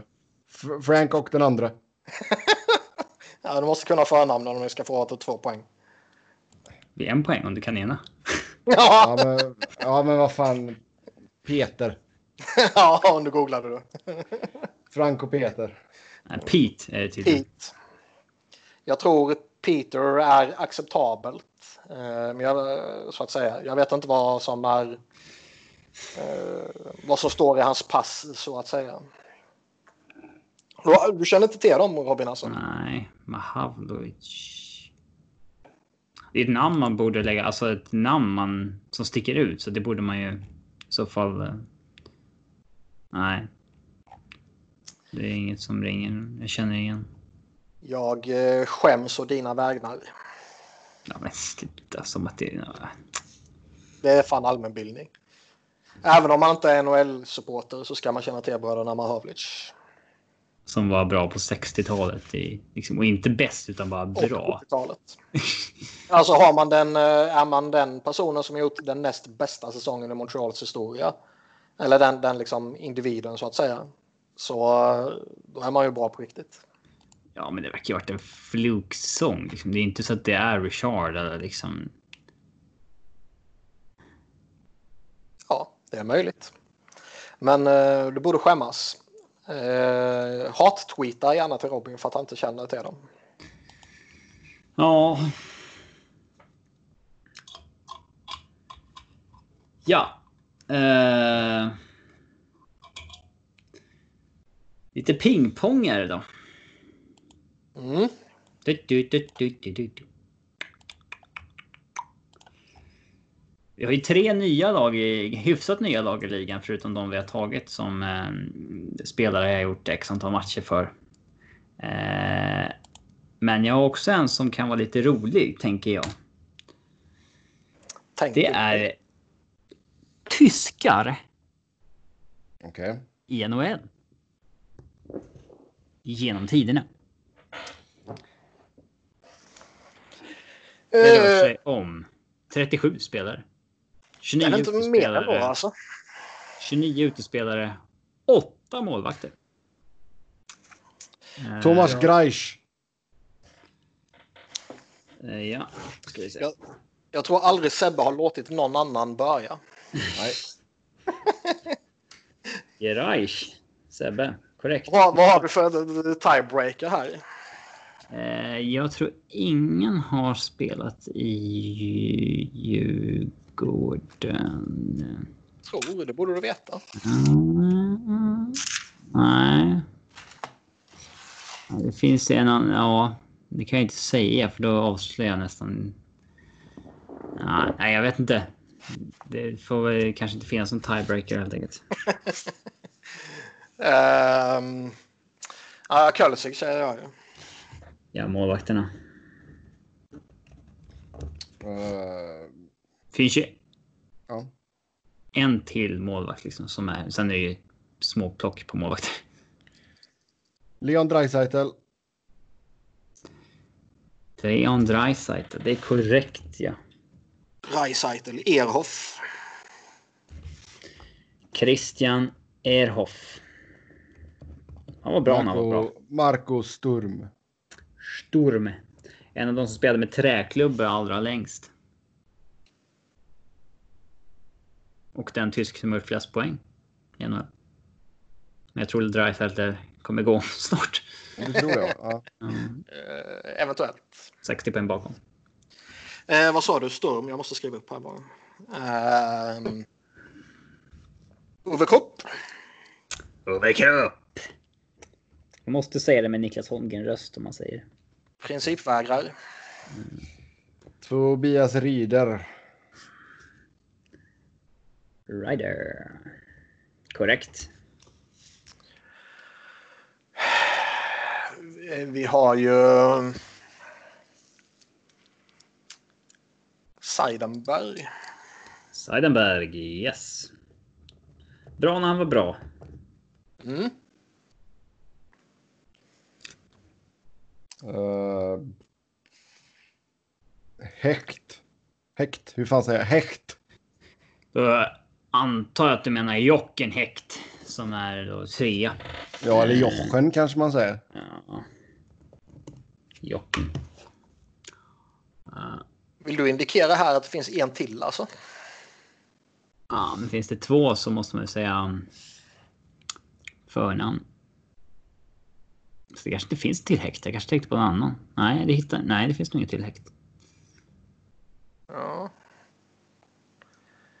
Eh, Grobauer har vi. Ja, han är den målvakten då. Som... Eh...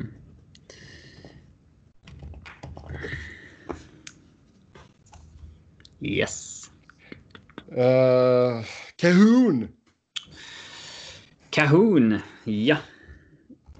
Bästa traden när han gick mot Mata.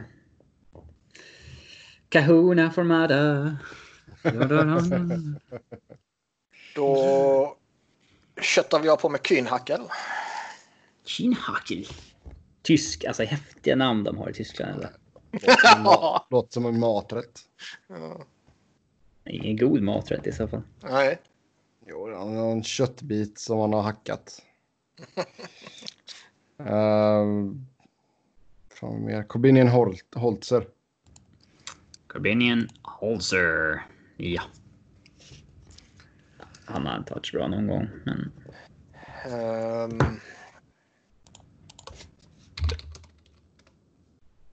Nu går vi då efter vilka som klassas som tyska på EP. Det finns ju vissa som... Ni kan ju säga ett namn eh, som kanske inte är med på listan, men då får jag EP-searcha det och se om de har en tysk flagg som Okej. secondary flag så att säga. Då får man väl eh, Ja, godkänt. Okej, så halvtyskar kan vi ta också. Fan vad gött. Eh, Ja, men alltså då ska de ju ha ett tyskt. Typ. Eh, är inte Danny Heatley en sån?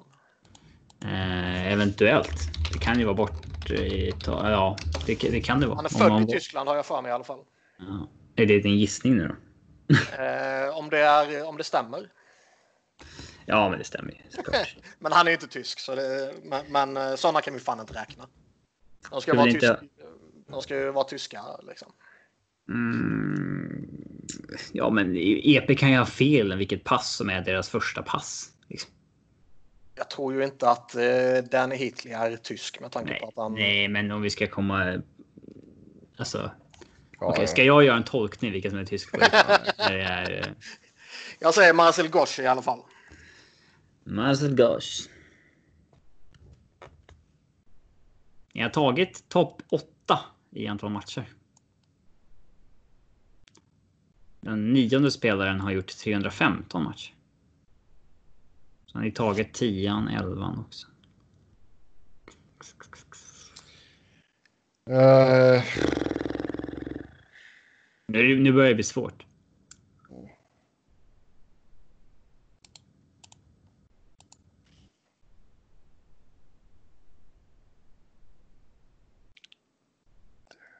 Schubert. Han gjorde väl typ... Exakt, det är han som är nian Sebbe. Ja, okej. Ja, nice. Frölunda. Han var in, incentral i Frölunda vill jag minnas. Nu är det ju... Ja, nu ska ni ner på den liksom mest meriterande spelaren du kan ta nu. Han har gjort 143 matcher. Mm. Ja, Jag har ju ett trumfkort ju, som jag borde sitta på. Men finns det någon annan?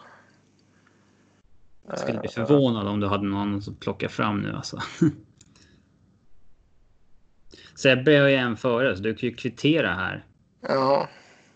Och sen fuskar han och tar ett oväntat namn. Ja. Eller bara slänga ut ett tyskt efternamn. Det kan man också göra. Det, ja, det, vi, vi, vi klarar oss på eh, efternamn nu. Ja, Om de, är, om de är själva med efternamnet.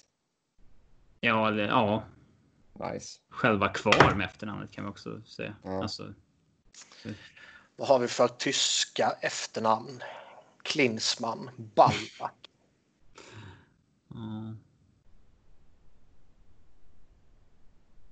Nej, jag slänger ut Rob Sepp. Ja, Rob Sepp. Sög på. 10 matcher. Fly era. Ja.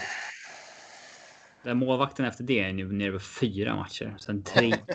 två. Är, det, är, det, alltså, är det namn som man ens kan kryssa Jag fram? känner inte igen någon av de här fyra Ja, okej. namnen. Men eh, alla Men har så- inte spelat jättelång länge sedan. Kan jag säga. Fan, Men spelare som har en match har man inte koll på. Liksom. nej. Det finns ett namn kvar Brian Glynn är väl dans? Eller dansk? Han är väl tysk? Vem? Brian Glynn måste det bli då, på tyska. Jag vill säga Brian Glynn. Brian Vad fan är det? Glynn. Hartford, bland annat. Jag kan tippa att det är en kille som har eh, eh, en tysk flagg på, på eh, EP. Ja, men han är kanadensare. Fel alltså. Eh, ja. Balle. Han Spelar inte, inga landskamper för Tyskland.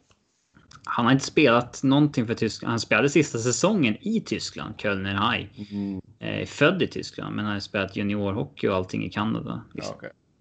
Nej, då... Ja.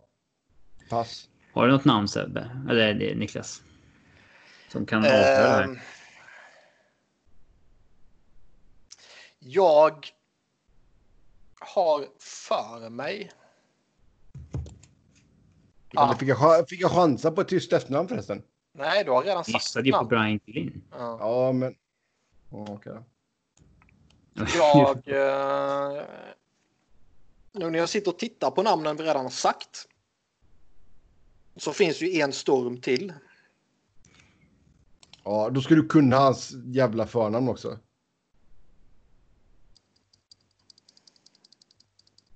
Ge mig ett tyskt förnamn här.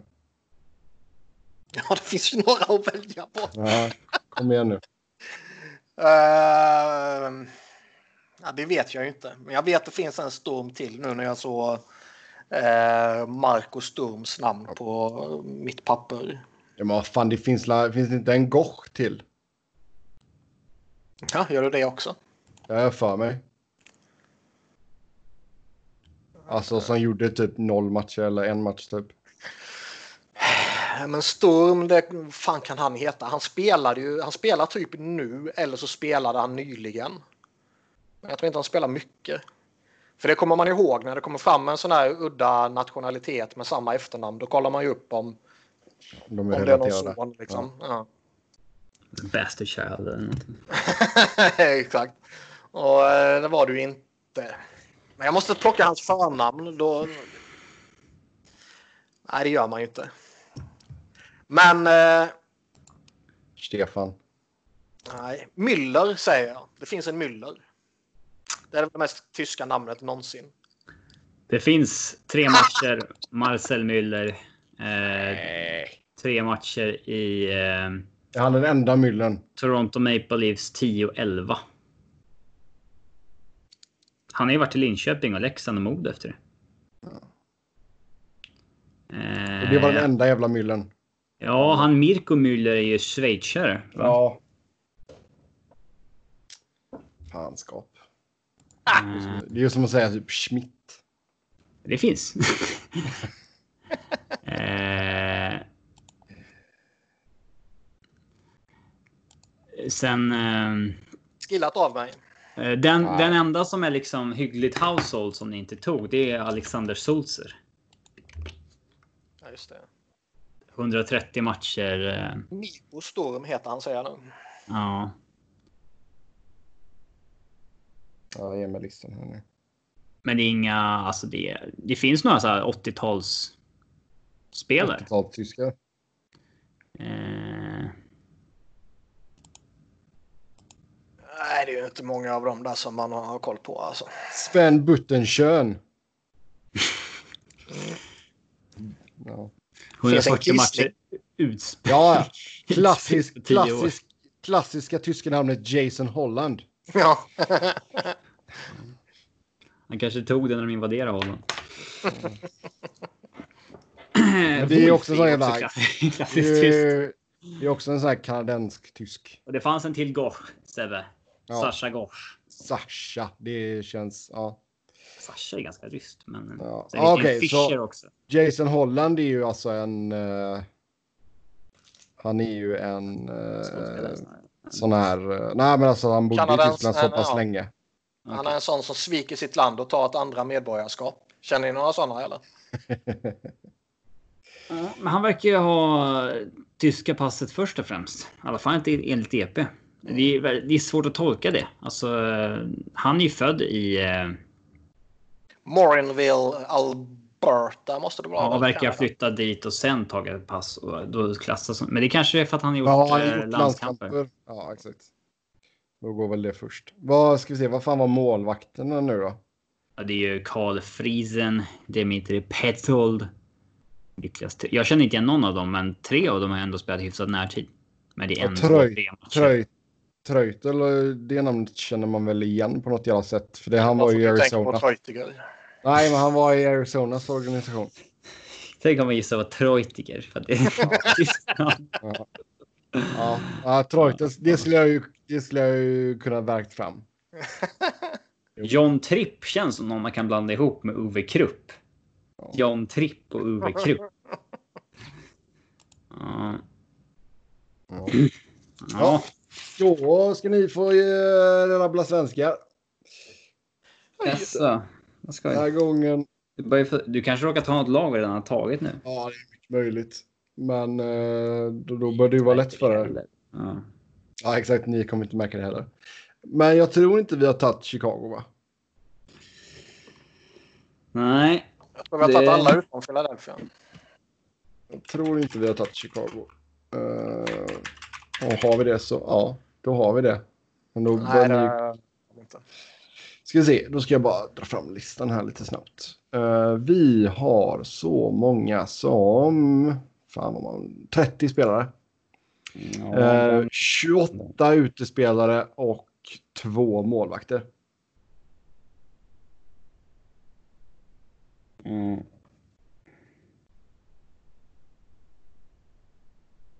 Ja. Vem eh, hugger först? Ja, du kan få börja om du vill. Då säger jag eh, Marcus Kryger. Mm, minuspoäng på varje Djurgårdsspelare också. Eh, Kryger, ja han är tvåa på listan. 477, 472 matcher. Ehm... Hjalmarsson. Hjalmarsson är etta, 624 matcher.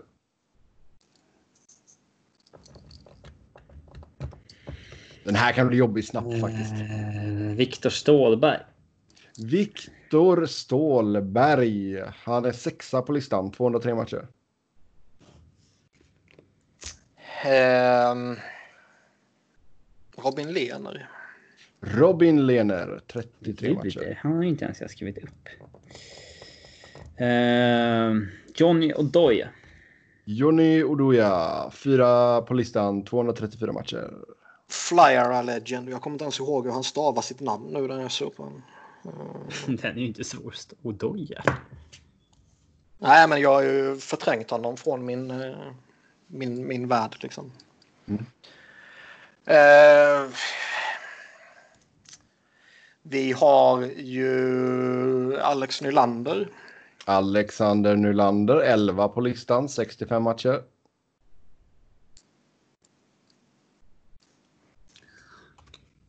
Eh, Det är ju enorma bonuspoäng till den som tar den som är plats 28 här. Mikael Nylander. Mikael Nylander, trea på listan, 239 matcher blev det för honom där. 180 poäng. Eh, vi har ju Bäst Just- poängsnitt. Gustavsson.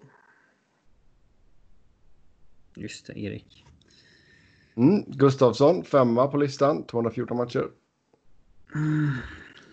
Nu har ni tagit topp 6. Vem är sjua då? Hur många matcher? 135. Ja, det är inte mycket alltså. Nej. Jag har, ju två, jag har ju 0,- två namn här, men jag vill ju inte liksom råka ta dem eh, för snabbt. Noll. Eh, Jag, ska, jag kan ge en ledtråd där också. 0,244 är poängsnitt. Joakim, Jaha, ja, men då vet jag. Ja, det är bra. Joakim Nordström. Nummer 13 på listan, 54 matcher. Ehm.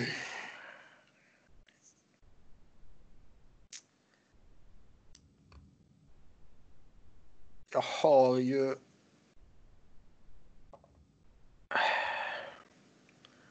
Visst fan gjorde han matcher där. Ejdsell. Victor Ejdsell, nummer 24 på listan med 6 Ja, det matcher. var det.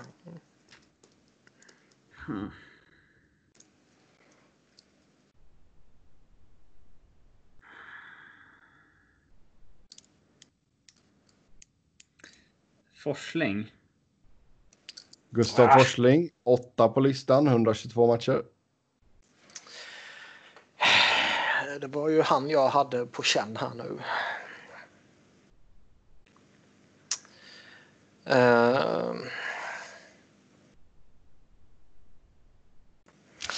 jag har ju en gubbe. Som jag vet. Men frågan är om när man ska bara droppa honom. Vi har ju fan Bokvist förresten.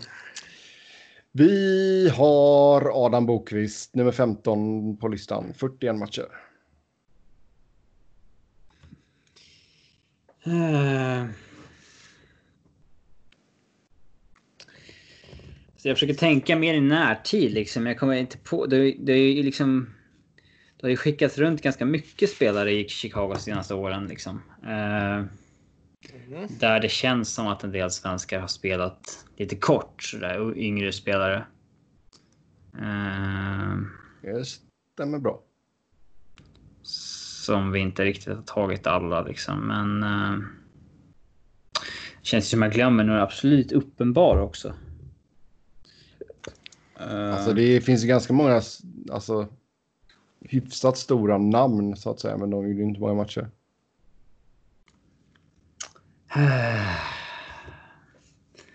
Jag får plocka ut S i rockärmen. Mm.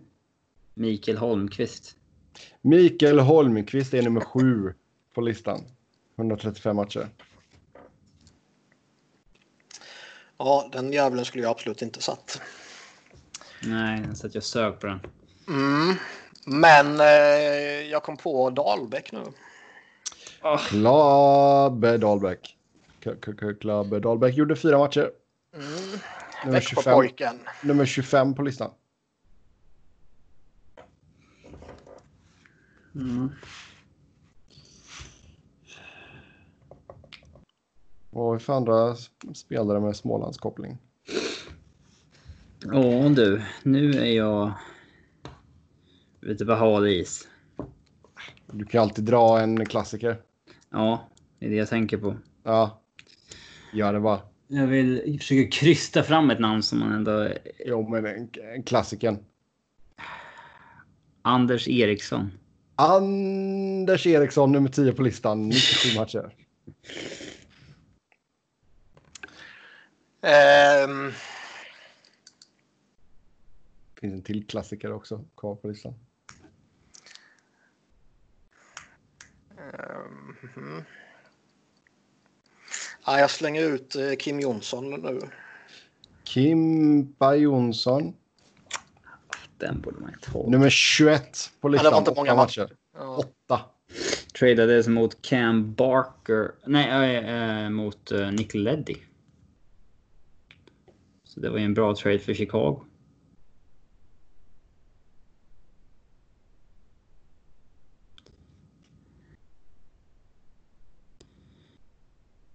Eller han kom med Nick Leddy. Kom igen Niklas. Okej. Ja, men skit i det nu. För båda hamnade i Chicago. Uh...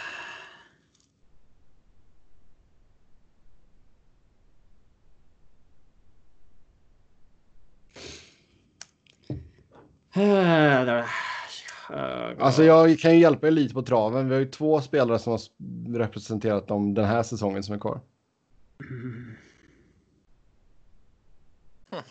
Jag har inte sett mycket Chicago i år, alltså. Fan. Sen har vi en legendar kvar också. Som har spelat där i år. Mm, två spelare som har spelat där i år. Men då är det typ två matcher. Det är sex matcher respektive fyra matcher. Ja. Um... Oh, Anton Vedin. Anton Vedin, fyra matcher, plats nummer 26. Krysta så kommer det. Så är Mm. Som sagt, vi har en, eh, en kille vi har snackat om förut, många gånger. Ja. Ehm, Vi får ju sluta ge så mycket ledtrådar. det är roligt om ni kan sätta alla. Vad fan tror du? Eh, jag har ingen jävla aning, men med tanke på att han har spelat i typ 27 klubbar så gissar jag på Tim Eriksson. Ja, Tim Eriksson nummer 22 på listan. Åtta matcher. Mycket bra jobbat. Ja, han har ju varit där, ja. Det minns man ju. Det minns jag absolut inte, men det kändes inte omöjligt. Så jag har för mig att någon av de här jävla eh, SHL-centrarna har varit där någon vända. Inte Johan Davidsson. Inte Jörgen Jönsson. Men kan det vara han Anders Karlsson kanske? Eh, jag, vi vill inte fundera på en andra målvakten kanske? Har du sagt att det finns en till målvakt? Det finns en till målvakt. Robin Lehner var den ena och sen finns det en till. Uh, Relativt nyligen. det är ju för mycket ledtrådar Sebbe. Uh, um,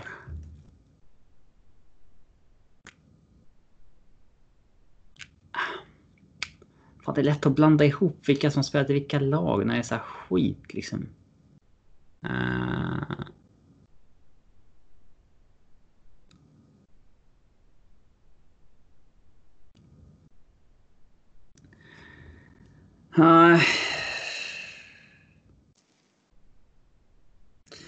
Jag slänger ur mig Slänger ut efternamn här nu. Karlsson. Karlsson, det har vi en. Lukas. Spelat Lukas. sex matcher i år. Lukas Karlsson. Ja, sex matcher i år. Jävla region. Med C eller K? Men se. Okej, så jag kan skriva Ja, det var ju K du menade ju. Ja, Anders Karlsson ja. Men han måste spela någon annanstans. Uh, jag har Andersson. Mm, nej. Fan. Ja, Hade Mikael Samuelsson spelat där? nej.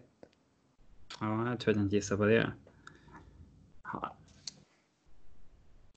Ja, eh, då ska vi se. Ni missade bland annat Ulf Dahlén. Han var där. 30 matcher. 96-97. Eh, ni missade Samuel Paulsson. Ja, just det. Den minns mig. Tre- 13 matcher. Rundblad, Rasmussen. Rundblad, ja. Exakt. Eh, Anton Rick- Forsberg var målvakten. Rasmussen skulle man kunna verka fram alltså. Mange Johansson hade ju sin NHL-försök där också. 18 matcher. Ja, det kommer jag inte ihåg. Eh, Viktor Svedberg, den gigantiske backen. Va? Ja. Eh, men... Eh, nej. Jag trodde att vi skulle sakna någon... Eh, ja, någon gammal 90-talsspelare eller någonting sådär, men det gjorde vi inte. Dahlén, mitten. Ja, men 30 matcher räknas inte.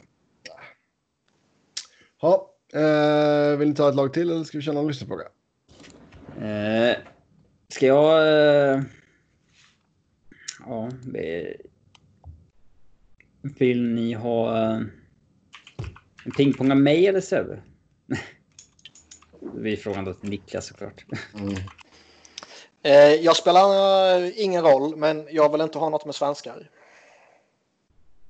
Ja, jag tänkte ta spelare som har gjort 500 matcher plus i Nashville Predators.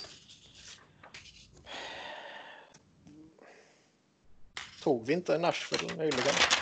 Nej, Vi körde väl svenskarna i vi Nashville? tog... Eh, Svenskarna i nej. Nashville var det. väl? Ja, sen så har vi tagit deras första lag, första säsongen. Ja, Sen så har vi tagit ehm, 500 matcher, eller 400 matcher i Columbus och Minnesota.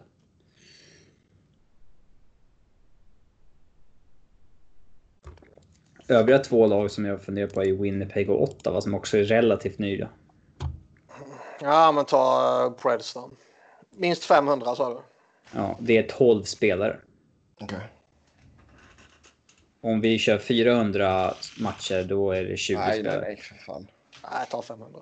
Ja, det tar ju slut när någon gissar fel. Det är ju inte att liksom vi ska sitta och mata namn i... Eh, ja, Det här går fort. Ja, ja, eh, Kimmo Timonen.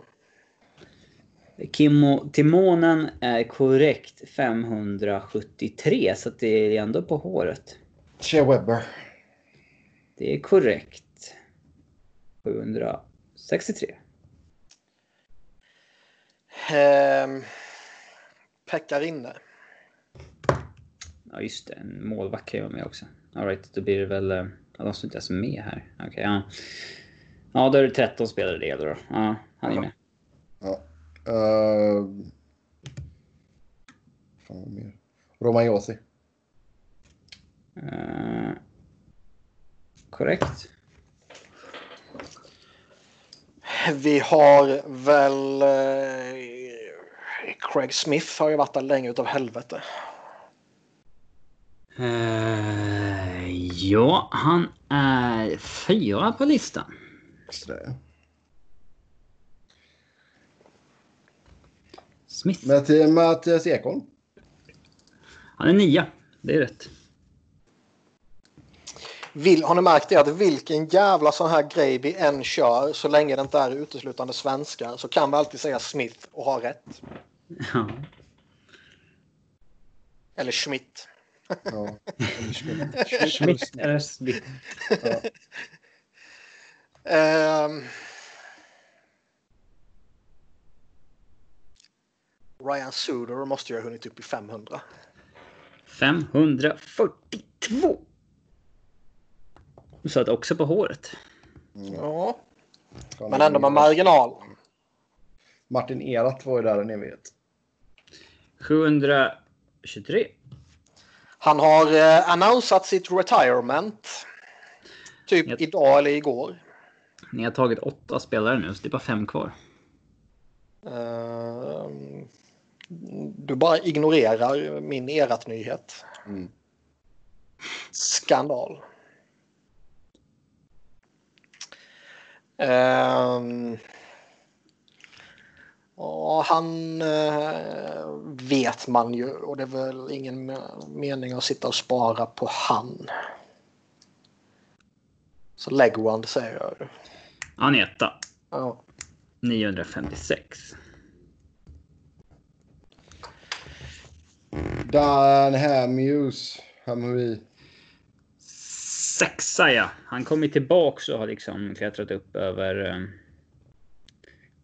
klättrat upp på listan sedan dess. Nu känns det ju som att nu är det ju nog eh, ett gäng här som... Kan vara utanför, kan vara innanför. Ja. Eh, ni har ju tagit då, vad blir det? 10 spelare, så det är ju två, ja, det är tre kvar på eh, ja, över 500. Och det är ju spelare 10, 11, 12 så att säga. Alltså det är de tre som är precis ovanför Mm. som ni har kvar. Det, det känns som ni fuskar. Ni tar ju alltid så här helt perfekt att det är. Eh, eh, Ja, Sebbe fuskar ju. Du fuskar. Vi får börja köra med, vad heter det, skärmdelar. Ja. ja, och sen kamera på honom så han får hålla händerna i luften. Så att man liksom eh, ser att han inte l- söker på mobilen och sånt där. Alltså inopererad eh, Google Eyes eller vad fan det heter. Men... ja, det finns ju ett antal i nuvarande truppen som man bara kan svinga lite med ju.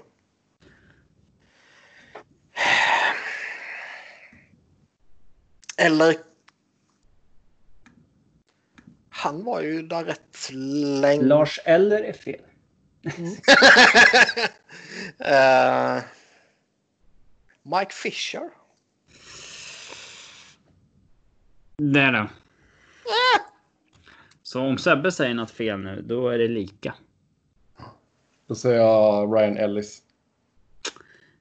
527. Han är 10 på listan. Det är korrekt. Fischer är 70 matcher ifrån. Han är 18 på listan. Så det, han är en ganska bra bit ifrån ändå. Jävla sopa. Eh, de, söndag typ de två kvar är ju två killar som har gjort över som har gjort 502 matcher då. Och det är ju Colin Ja. Wilson Ja. och Greg Johnson då. Han som var med i, i första laget. I begynnelsen. Ja. Ja, det är ju två namn om man inte skulle slänga ut. Scott Hartland har gjort 498 ändå. Ja. Alltså, det är ganska mycket. Jag hade inte gissat på honom på över 500 liksom. Alltså, man, det känns som att hans Han- båda sektioner där var ju korta liksom. Uh, ja, sista var väl kort. Men han kom ju in i, typ, ja, jag tror han kom in direkt efter draften. Ja. Hörnqvist är lägre än jag trodde. Bara 360 matcher. Ja. Vad har vi? Vad har vi de andra? Typ For, Forsberg och... Forsberg är 458, Järnkroken 459. Så att, eh, de har gjort färre än Hartnell. Eh, Det hade inte jag gissat på. Eh, Faktiskt. Ja. Får ni ett svenskt lag till här då. Ja. Ska vi se här.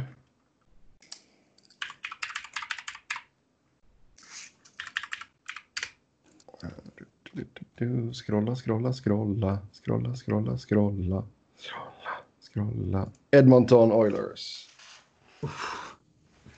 Fan vad du tar tråkiga lag hela tiden. Vad fan vill du ha för lag då? Du får välja lag.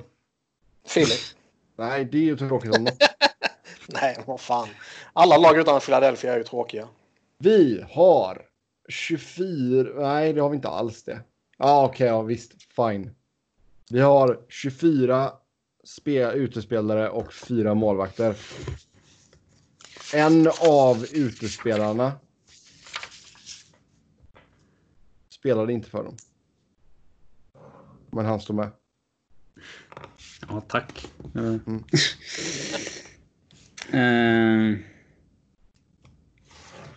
det här kan bli fruktansvärt svårt. Alltså, jag kan... Jag, jag, Jag kan säga att det är endast topp åtta, alltså bland utespelarna som har gjort över 100 matcher. ja, Men det är sköna namn med på listan liksom. Ja, börja då om du vill. ja. ehm, Adam Larsson. Ja, tvåa på listan, 273 matcher. Jag tror jag Clefbom. Etta, 378.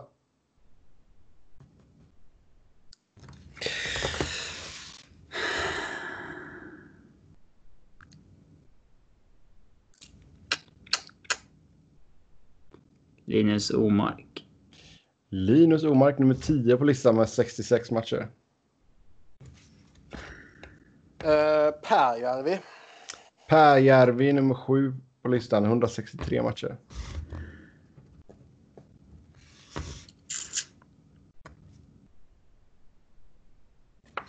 Räknas Puljujärvi? Nej. Född Verkligen i inte. Sverige. Ja, Ja, men i den här podden hatar vi landsförrädare som byter nationalitet och dubbla medborgarskap.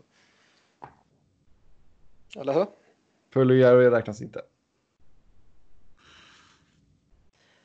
Ja, ja. Men det var bra att du frågade. Uh... Jag har ju bara ett namn i huvudet. Alltså, det, jag vill ju inte...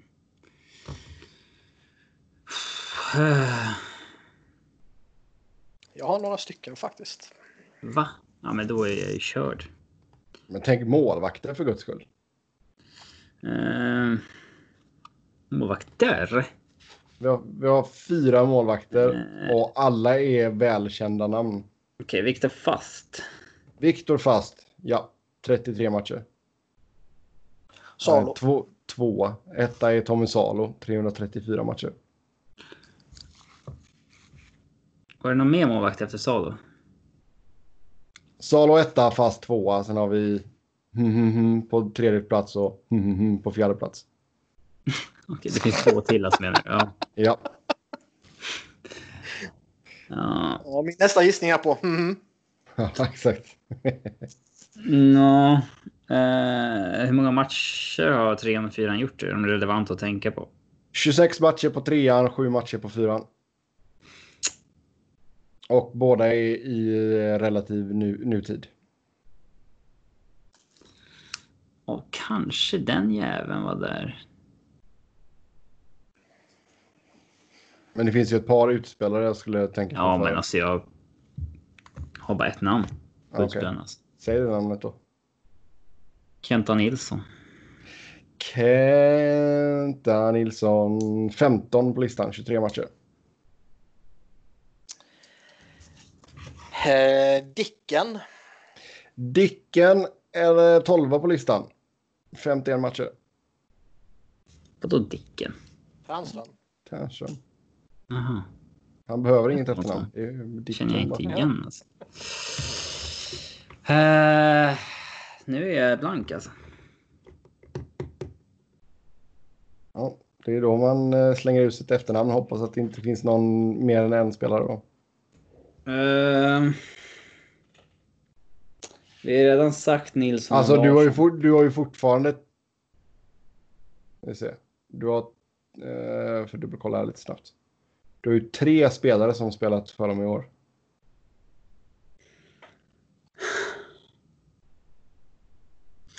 Pontus Åberg har spelat där. Pontus Åberg gjorde 16 matcher. Han är nummer 18 på listan. Ehm. det var väl så att uh, Lill-Kenta gjorde väl matcher också. Mini-Magic. Mini Magic, fyra på listan, 199 matcher. Det så? Jag trodde jag bara spelade Islanders. Yep. Så vi har plats 3, plats 5, 6, 8 kvar. Som alla gjort över 100 matcher. Nu har uh, Uh, Joakim Nygård. Nygård 14 på listan. 33 matcher har det blivit i år. 9 poäng. Fan, nu har ju eh, Robin har ju hankat sig kvar beundransvärt här nu. Jag har ju Mm. ett namn kvar bara. Och Kommer jag, kommer jag på någon annan? ja, men skit i det. Säg ditt namn nu och sen får du komma på någonting sen. Nej, men det kanske eh, finns större namn som man kan eh, verka fram.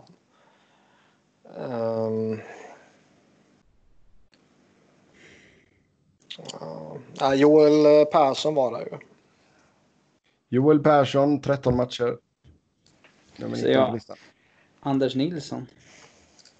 Anders Nilsson är nummer tre bland målvakterna. 26 matcher. Eh, då säger jag eh, Andersson. Eh, då ska vi se här. Vi har faktiskt ingen Andersson. Fan. Uff, det... Andersson. Det är för vanligt svenskt namn men för ovanligt hockeynamn känns det Ja, som. Ja. det är det verkligen. Det är inte många Andersson som spelat i NHL känns det som. Har Filip Ja. Broberg gjort några matcher? Nej. Nej. Har Bert Robertsson gjort matcher där? Säg ett namn nu. Men jag har ju redan vunnit. Jaha. Ja, Anton... Jävla sopdomare. Anton Lander var trea. Ja, just 215 det. Anton Lander borde man kanske ha tagit. Mats Lindgren, femma, 199 matcher. Willy Lindström, 163 matcher. Willy har varit med ett par gånger innan. Uh, underskattad Va? spelare. Eh, Nej, det har inte. Fredrik Olausson. Kanske ni borde ha kommit på. Men, men det är så här, det är ju spelare som inte liksom... Jag ser känna till Felix 108 Olausson, matcher men-. Men vad fan det är. Man, man tänker inte Edmonton med honom. Han gör ju liksom... Han gör ju liksom ett och ett halvt år där. Mm. Det, Jonas, Jonas Gustafsson var den fjärde målvakten. det och, var han. eh, Jag tänkte att han hade varit där och... Bengt-Åke. Gustafsson var spelaren som inte gjorde några matcher. Fredrik Ja. Bremberg, tar du inte han Robin? Har du Ja. kollat på uh, NHL.com nu igen Sebbe? Nej, jag är inne på El- Jaha. Men uh, alright. Jag, jag vet inte, listan jag fick fram så har han ju två matcher, tre poäng. Men det är för att han räknar in slutspelspoängen på honom. Lite konstigt. Mm. Mm. Ja, men då har du glömt att välja regular season istället för overall totals. Ja, jag har regular season här och där står han på noll. Tommy Lehmann. Ja, det är ingen man känner till. Nej. En match, varför läser du upp det? Jo, Nej, men det, det är ju, vad heter det? Eh, Marie Lehmanns ju. Är de fortfarande gifta? Oklart, men eh, antingen eh, man eller före detta. Uh, Eh, William Lagersson var ju den spelaren som hade spelat i år för dem också. Ja, vem, vem är ens det typ liksom? han spelade Djurgården. Ja, sopa. Lagersson och Linkan. Ja, det borde man kanske ha tagit. Mm. Yes, vi kör eh, en lyssnarfråga eller två här också. Först ut, jag har noterat att Patrick Malö har gjort 1723 NHL-matcher. Det är 44 kvar till Gordie Howe. Vad tror ni han har för chanser att få ett jobb i ligan till nästa säsong?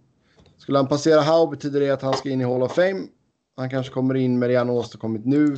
Vad tycker ni? Tycker det är rätt coolt att han som 40-åring inte missat en match sedan säsongstarten 2009?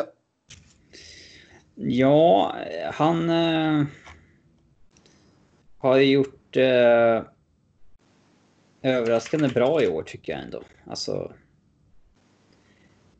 Vill... Jag tycker att i och med att det fanns trade-intresse för honom vid deadline i år så. Då borde han ju vara... Alltså då borde ju något lag vara intresserade av honom ett halvår senare. Men ibland är det ju så att det går fort. För spelare att eh, tappa allt intresse kring sig.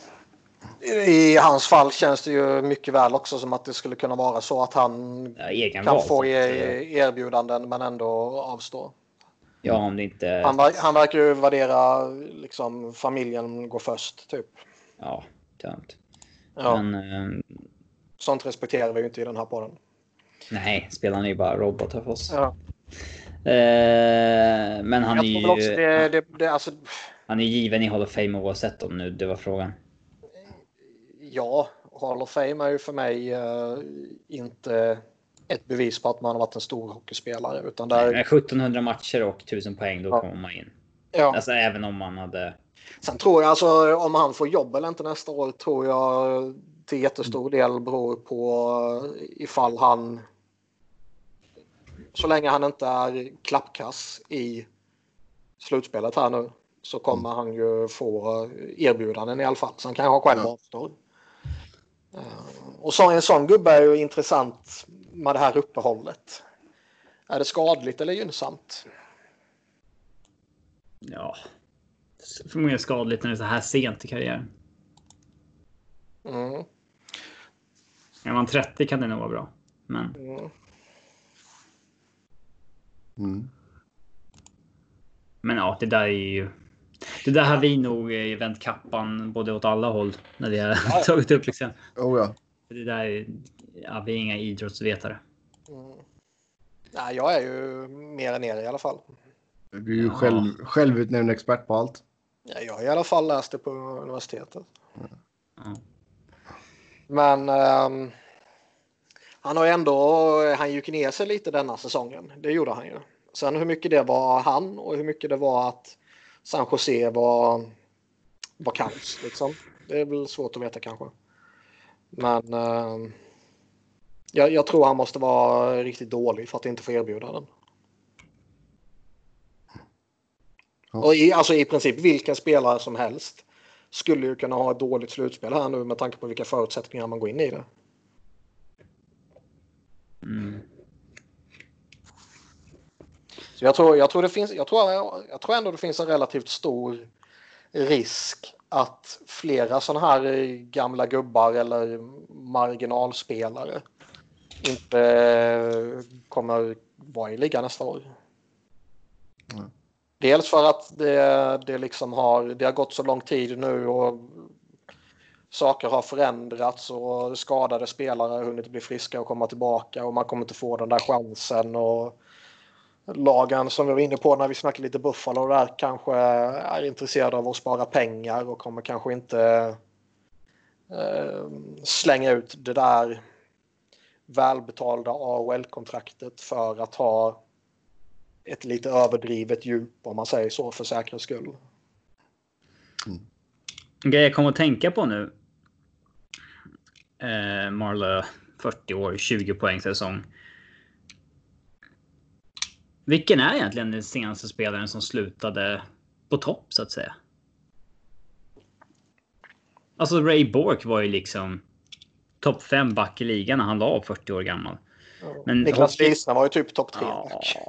Ja, ja, alltså den tycker jag är gränsfall alltså. Men, ja, eh, nej, inte topp 3. Jag överdriver givetvis. Men jag skulle ändå säga att de två ändå var typ jämförbara. Mm, ja, alltså det är mycket svårare idag. Det är det vi kommer till. Alltså hockeyn har utvecklats så jävla mycket så att eh, det känns som att det är mycket svårare att sluta på topp liksom om du ska kunna spela till en respektabel ålder. Mm. Det är, eh, vem var egentligen den sista som gjorde det? Hur var Sellen det sista året? Ja, det var, han var ju, hade ju... Han fick ju alldeles för mycket cred. Han var ju quite crap sista tre, fyra åren på karriären. Minns fan inte, men det var väl skador? Nej. Ja, han gick ner sig lite nu ser jag. Jag, jag kommer fan inte ihåg. Jag kommer inte ihåg. Korea hade ju gått ner sig ganska hårt också. Eh... Z hade ju fortfarande respektabel liksom, produktion, men eh, ändå tydlig naturlig nedgång och sen skadad liksom. Mm. Eh, kanske. Datsuk fortsatte ju i KHL. Mm. Räknas man då? Nej, det gör man inte. Han var jävligt kast de där Arizona-åren ju. Scott Niedermayer slutade ju liksom fortfarande på topp. Uh, han hade ju kunnat liksom vara All-star något år eller två till liksom. Uh, men det är länge sedan nu alltså han la av. Mm. Uh, mm. Liksom det, vi ser vi ser aldrig det där nu för tiden längre att det är liksom en All-star-spelare som funderar på att lägga av. Laget övertygar honom att fortsätta. Alltså den typen av. För spelare. Det finns ju fan inga som är bra längre efter 35. Nej, så är det väl. Det är aldrig spelarna som walk away from the game anymore, utan det är the game that walks away from the player. Mm. How the best NHL players of all time fared in their final seasons. Finns en artikel för allting? Ja. Som med Trump. Det finns en tweet för allting. ja. som man brukar säga. Eh, Gretzky avslutar ju bra. Han är med här. Jag stör, mig, jag stör mig mycket på att han avslutade så tidigt. För att han liksom... Han hade ju bara liksom... Han hade bara är liksom otur med sin shooting luck liksom sista året. Och då trodde han liksom att äh, jag håller inte längre och la av. Och han liksom... Jag tror han ville sluta 99. Ja. Och sen var ju Rangers inte så bra det året. Och, alltså de började tappa där. Och, eh, men eh, han är liksom 13 matcher ifrån 1500. Han är bara 100 mål ifrån 1000 mål. Han är bara 37 assist ifrån 2000 assist. Och han är ju liksom bara 143 poäng ifrån 3000 poäng. Han är ju så nära så många milestones Mm. som man hade kunnat köra på till.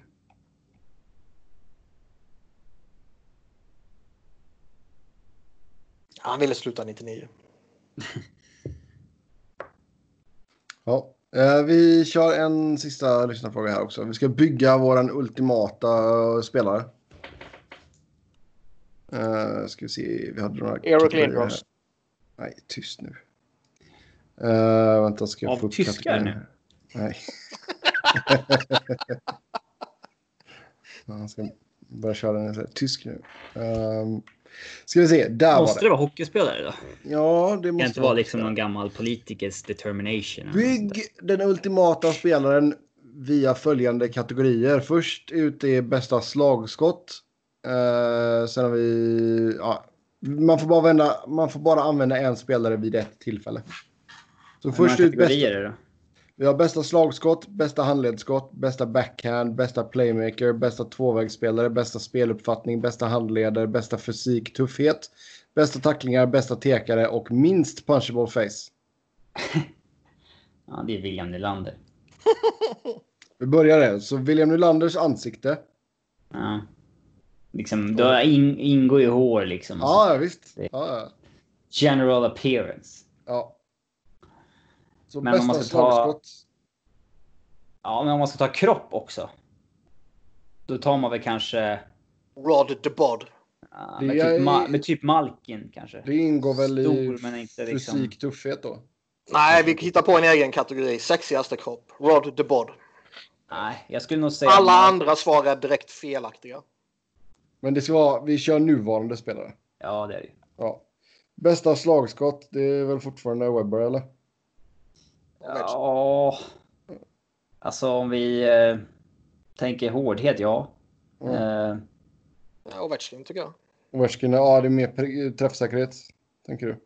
Ja, han gör ju fler. Allmän bättre. Ja, okej. Ja, ja. ja. Ovechkins det beror slagskott. på om man alltså, bygg den ultimata spelaren eller bygg den ultimata forwarden eller backen. Liksom. Ja, jo. Men det blir jag en tycker, forward av det hela. Det blir... Det blir en forward av det hela, ja. eh, eller en målvakt. Nej. Eller den här allround-spelaren som vi har saknat. Mm. Ja. Men Ovechkins slagskott. Vems handledsskott tar Det vi? är Austin Matthews, det är inga snack om saken. Austin Matthews handledsskott. Sidney Ja, Crosbys där- backhand. Backen är ju så jävla svår. Ja, det är inte så många som har det där längre. Jag bra tycker att det borde vara tvärtom. Att det borde vara snack om att liksom den yngre generationen har bättre backhands än den äldre. Men det känns som att det där var ju en grej de äldre spelarna hade, fick mycket cred för. Z fick cred, Sundin fick cred och Crosby. Mm. Eh, Men då kör vi Crosbys backhand. ja, det Ja. kör. Vems eh, playmaker-egenskaper tar då? Claude. Playmaker är ju så brett. Alltså, Claude. Claude. Claude. Ska inte ha någon jävla rödtott här. Claude. Nej, det är nog inte Claude. Claude. Eh, hade du frågat mig idag, vilket du Mm. gör, Ja, Claude. så skulle väl jag säga att det är med Panarin kanske. Claude. ja Panari är ett bra val. Claude. Kane kan det också vara, men jag skulle säga Panarin. Ja, då säger Panarin. Panarins playmaker-egenskap. Claude. Nej, tyst. Claude. Tyst. Claude. Uh, vems tvåvägsspel tar vi? Barkov kanske? Couturier. Sluta Niklas, förstår ju bara. Men alltså se- seriöst. Jag, jag, idag, ja, jag kanske larvar mig lite med Claude Giroux, absolut. Men, men över hela karriären, såklart var. Eh, bästa tvåvägsspelare är ju genuint, och det vet jag att ni håller med. Där är ju Sean Couturier absolut topp två, topp tre alternativ. Ja, absolut, men inte Ja. givet. För mig är det det. Det är därför jag säger det.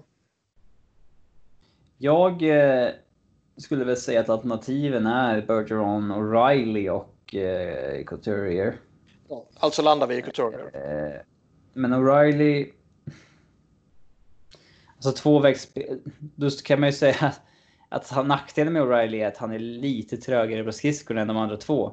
Ja, men vi ska ju ta en annan persons skridskoåkning så att... Eh, eh, Skridskoåkning är faktiskt inte med bland kategorierna. ja, i- Då ja, lägger vi- Då lägger vi till den. Ja. ja, verkligen. ja. Ja, alltså, jag, jag tycker den som... Alltså jag tycker att O'Reilly är den som liksom... Om man bara tittar på en match så tycker jag att han liksom sticker ut med sitt tvåvägsspel mest. Alltså som man noterar verkligen att han liksom... Eh, hur skicklig och hur hårt han jobbar defensivt kontra... Ja, de andra är bättre så de behöver inte slita så jävla hårt. Är Kopitar då med andra ord. Jag vet inte vem det är. Men ingen love för Bar- Barkov alltså? Nej, nej, nej. nej. Nej, okej. Det är klart att han är där men alltså jag tittar inte så mycket Florida måste jag säga. Nej, Alltså, det kan jag... Det är ingen som gör förutom Simpa. Eh, ja, men det är Sean Couturier. Nu går vi vidare. ja. Bästa speluppfattning? Det Claude. där är en oerhört diffus fråga. Håll Alltså den är oerhört... Eh, den är oerhört... Eh, Subjektiv. Den går ju in lite i playmaker-kategorin. ja, eller i tvåvägs... Ja. Ja. Okej, men vi ersätter den med skridskoåkning då. En Claude Couturier-hybrid. Åh, Deras Ja. kärleksbarn. Det är ju inte minst punchable face där då. Eh, bästa skridskoåkning tar vi då. Då eh, McDavid eller? Ja. Eller? Ja. Nej, men jag bara tänkte ifall det, det finns la någon som kan utmana honom kanske. Han sitter Niklas där. Nu går han ju-. Ja, Ny- Nygård var ju snabbare än honom. ju. ja exakt. Ja, men det Ja, är men jag skillnad tänkte- på att vara snabbast eller bäst på skridskorna. Ja. Men McDavids skridskoåkning, vems handleder tar vi? Claude. Eh, Så säger du Claude en gång till. sluta nu Niklas, det är jobbigt för mig Ja, att lyssna på. ja.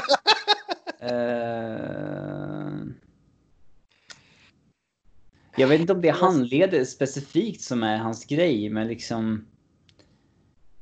McKinnon är ju inte... Han är ju inte bättre på skridskorna än McDavid eller liksom... Jag- tror inte att han är så topp tre på för liksom, Tittar vi på de här skridskotävlingarna, han vinner ju inte dem. Han är inte i närheten av att vinna dem. Nej. Hans skicklighet ligger liksom i... Inte vet jag, alltså accelerationen eller kombinationen kraft och, och fart på något sätt. Ja, Men eh, det hjälper ju till att ha vissa handleder också. Men jag, ju mer jag pratar om det desto mer eh, börjar jag tänka på eh, Patrick Kane tyvärr. Ja, jag tänkte säga det. Det smärtar att säga det, men fan vet om det inte är han. Kanes det- handleder. Och sen vems fysik slash tuffhet? Eh, Kevin Hayes. Där, alltså Malkin är ju tjurig. Ja, Han är ju bra. inte fysisk och tuff så utan eh, Han är ful. eh, eh, Men det är väl Kan- fortfarande... Kan vi, alltså, kan vi ta Tom Wilson utan hjärnsläppen? Nej, det är klart vi inte kan. Vi kommer inte nämna hans namn i det här sammanhanget. Okej. Eh, dä- däremot så är det väl så... Man vill ju att- ha stryktålig liksom. Det är ju det man vill åt här egentligen. Liksom. Men sen samtidigt, liksom, om, om man bara tittar på vem som idag kan dominera en match med sin fysik. Mm. Som typ Eric Lindros kunde göra och typ Rick Dick kunde göra det när han var som bäst. Liksom. Det är ju typ Malkin. Ja, men eh, han är också en kropp som går sönder lite. Absolut. Men så det ska det man ta honom på fysik då? Det Ja, kan- det, det det- ingår det väl ändå i spelarens fysik, eller? Ja, eller ska vi hitta på en till kategori om typ... Endurance. Ja. Eller, så, ja.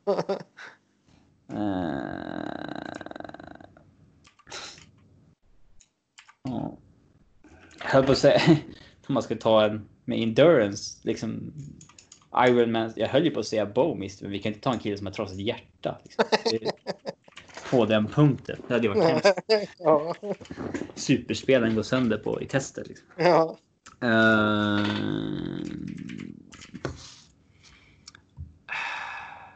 fysik.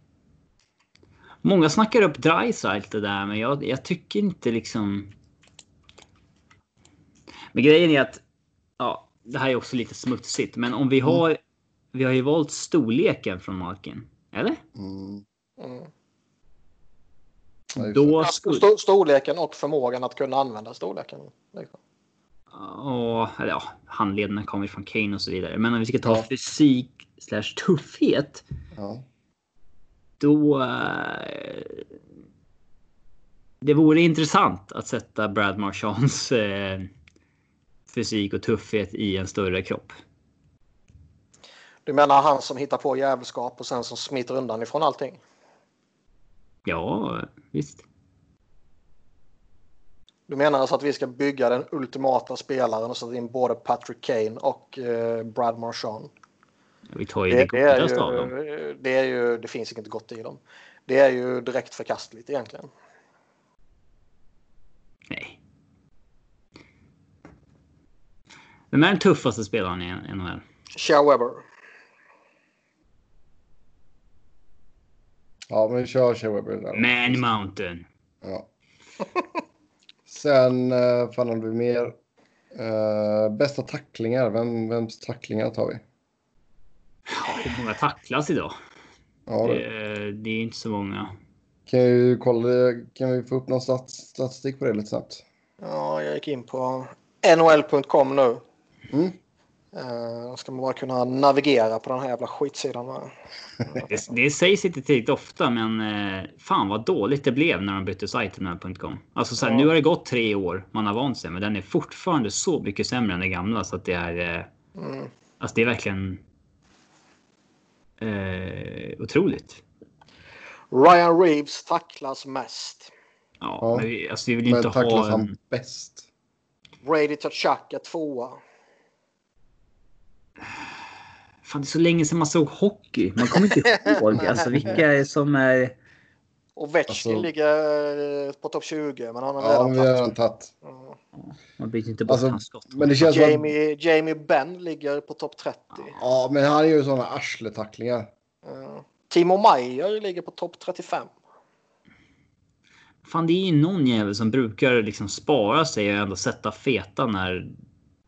När det behövs. För, för några år sedan skulle man kunna ha sagt Wayne Simmons. Men det gör man inte nu. Nej. Det var inte många här på som var roliga. Det hade varit ho- coolt om vi tog eh, istället för eh, Malkens kropp så tog vi Charas kropp. Men vi har ju kopplat på McDavids rör. Alltså vad gör man då? Liksom? Ja. Då går det ju inte. Nej. Det är ju som att farsan spelar med kidsen. Ja. Vi har ju Evander Kane. Ah, fan, det är ingen av de här som liksom... Eh, Det är ingen som känns jätterolig. Nej, Matthew Tkachuk. ja, jag tänkte på honom. Ja, ja, kanske. Vem är han brukar bråka med? Ja, Inte Doughty, utan... Ja, Ja, han, mer? alltid. Han bocklar med alla typ. Åh. Och sen så ska vi ha någon eh, tekare också. Claude. Ja, det är väl... Uh, Ja, där kan du... Där har väl faktiskt Niklas sitt största case för Giro. Är han så bra på Tega? Ja. Mm. Inte... 59 procent. Är inte Bergeron rätt liksom överlägsen? 50 57,9. Sean Couturier är Du tittar väl bara i eh, år? Nu tittar jag bara i år ja. Ja, det är ju... Där är ju Sean, Sean Couturier bäst och Claude Giroux näst bäst liksom. Om man tar eh, star players. Hur långt vill du gå? Vill du gå tillbaka typ fem säsonger? Ja, då kommer Claude Giroux ändå vara i topp liksom. Vi ser massa skräp här som har 100 procent som har tagit en tekning. du får ett filter på antal matcher för fan.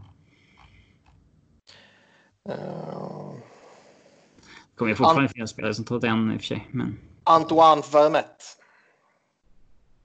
Ja, han var bra på att teka det. Och Ja, Djurgårdens är sportchef. Claude Giroux är ju liksom i topp där också. Det är klart det är han. Vermettes kropp skulle vi kunna ha tagit också.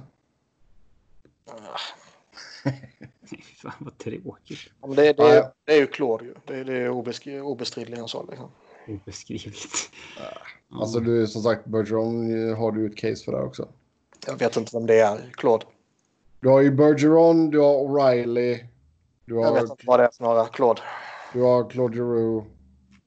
Du har Taves är där uppe också faktiskt. Ja, han kommer vi absolut inte ha med. Ryan Kessler. Vadim Shipachyov ligger där också. Ja. Eh, nej, men eh, ja, du får Claude här. Orkar inte. yes, så då har vi alltså William Nylanders ansikte. Ovechkins slagskott. Vems jävla handledsskott tog vi? Matthew. Matthews. Matthews handledsskott. Crosbys backhand. Panarins playmaker-egenskaper. Couturiers tvåvägsspel. Uh, speluppfattningen sket vi och tog McDavids skridskoåkning. Patrick Kanes handleder. Vems jävla fysik blev det? Blev det Malkin eller Chara eller Webber? Webber blev det. Vi tar Chara. Chara för det blir är kul. Okej, då har vi Chara där då. Och sen uh, Kachucks tacklingar. Och Claudes tekningar. Man skulle Så kunna det- ta Claudes ansikte också. Nej. Så det blir alltså William Nylander som två meter lång. Ja. Ja. Ni får komma med förslag på era egna Ultimate Players helt enkelt. Men det tar och stänger för butiken för idag. Som vanligt ska ni köta hockey med oss via Twitter. Mig hittar ni på Noren, Niklas på att Niklas Wiberg, Niklas med C, Wiberg med enkel V, Robin på R underscore Fredriksson och podden hittar ni på SV Fans NHL podd, podd med ett D. Tills nästa gång, ha det gött, hej!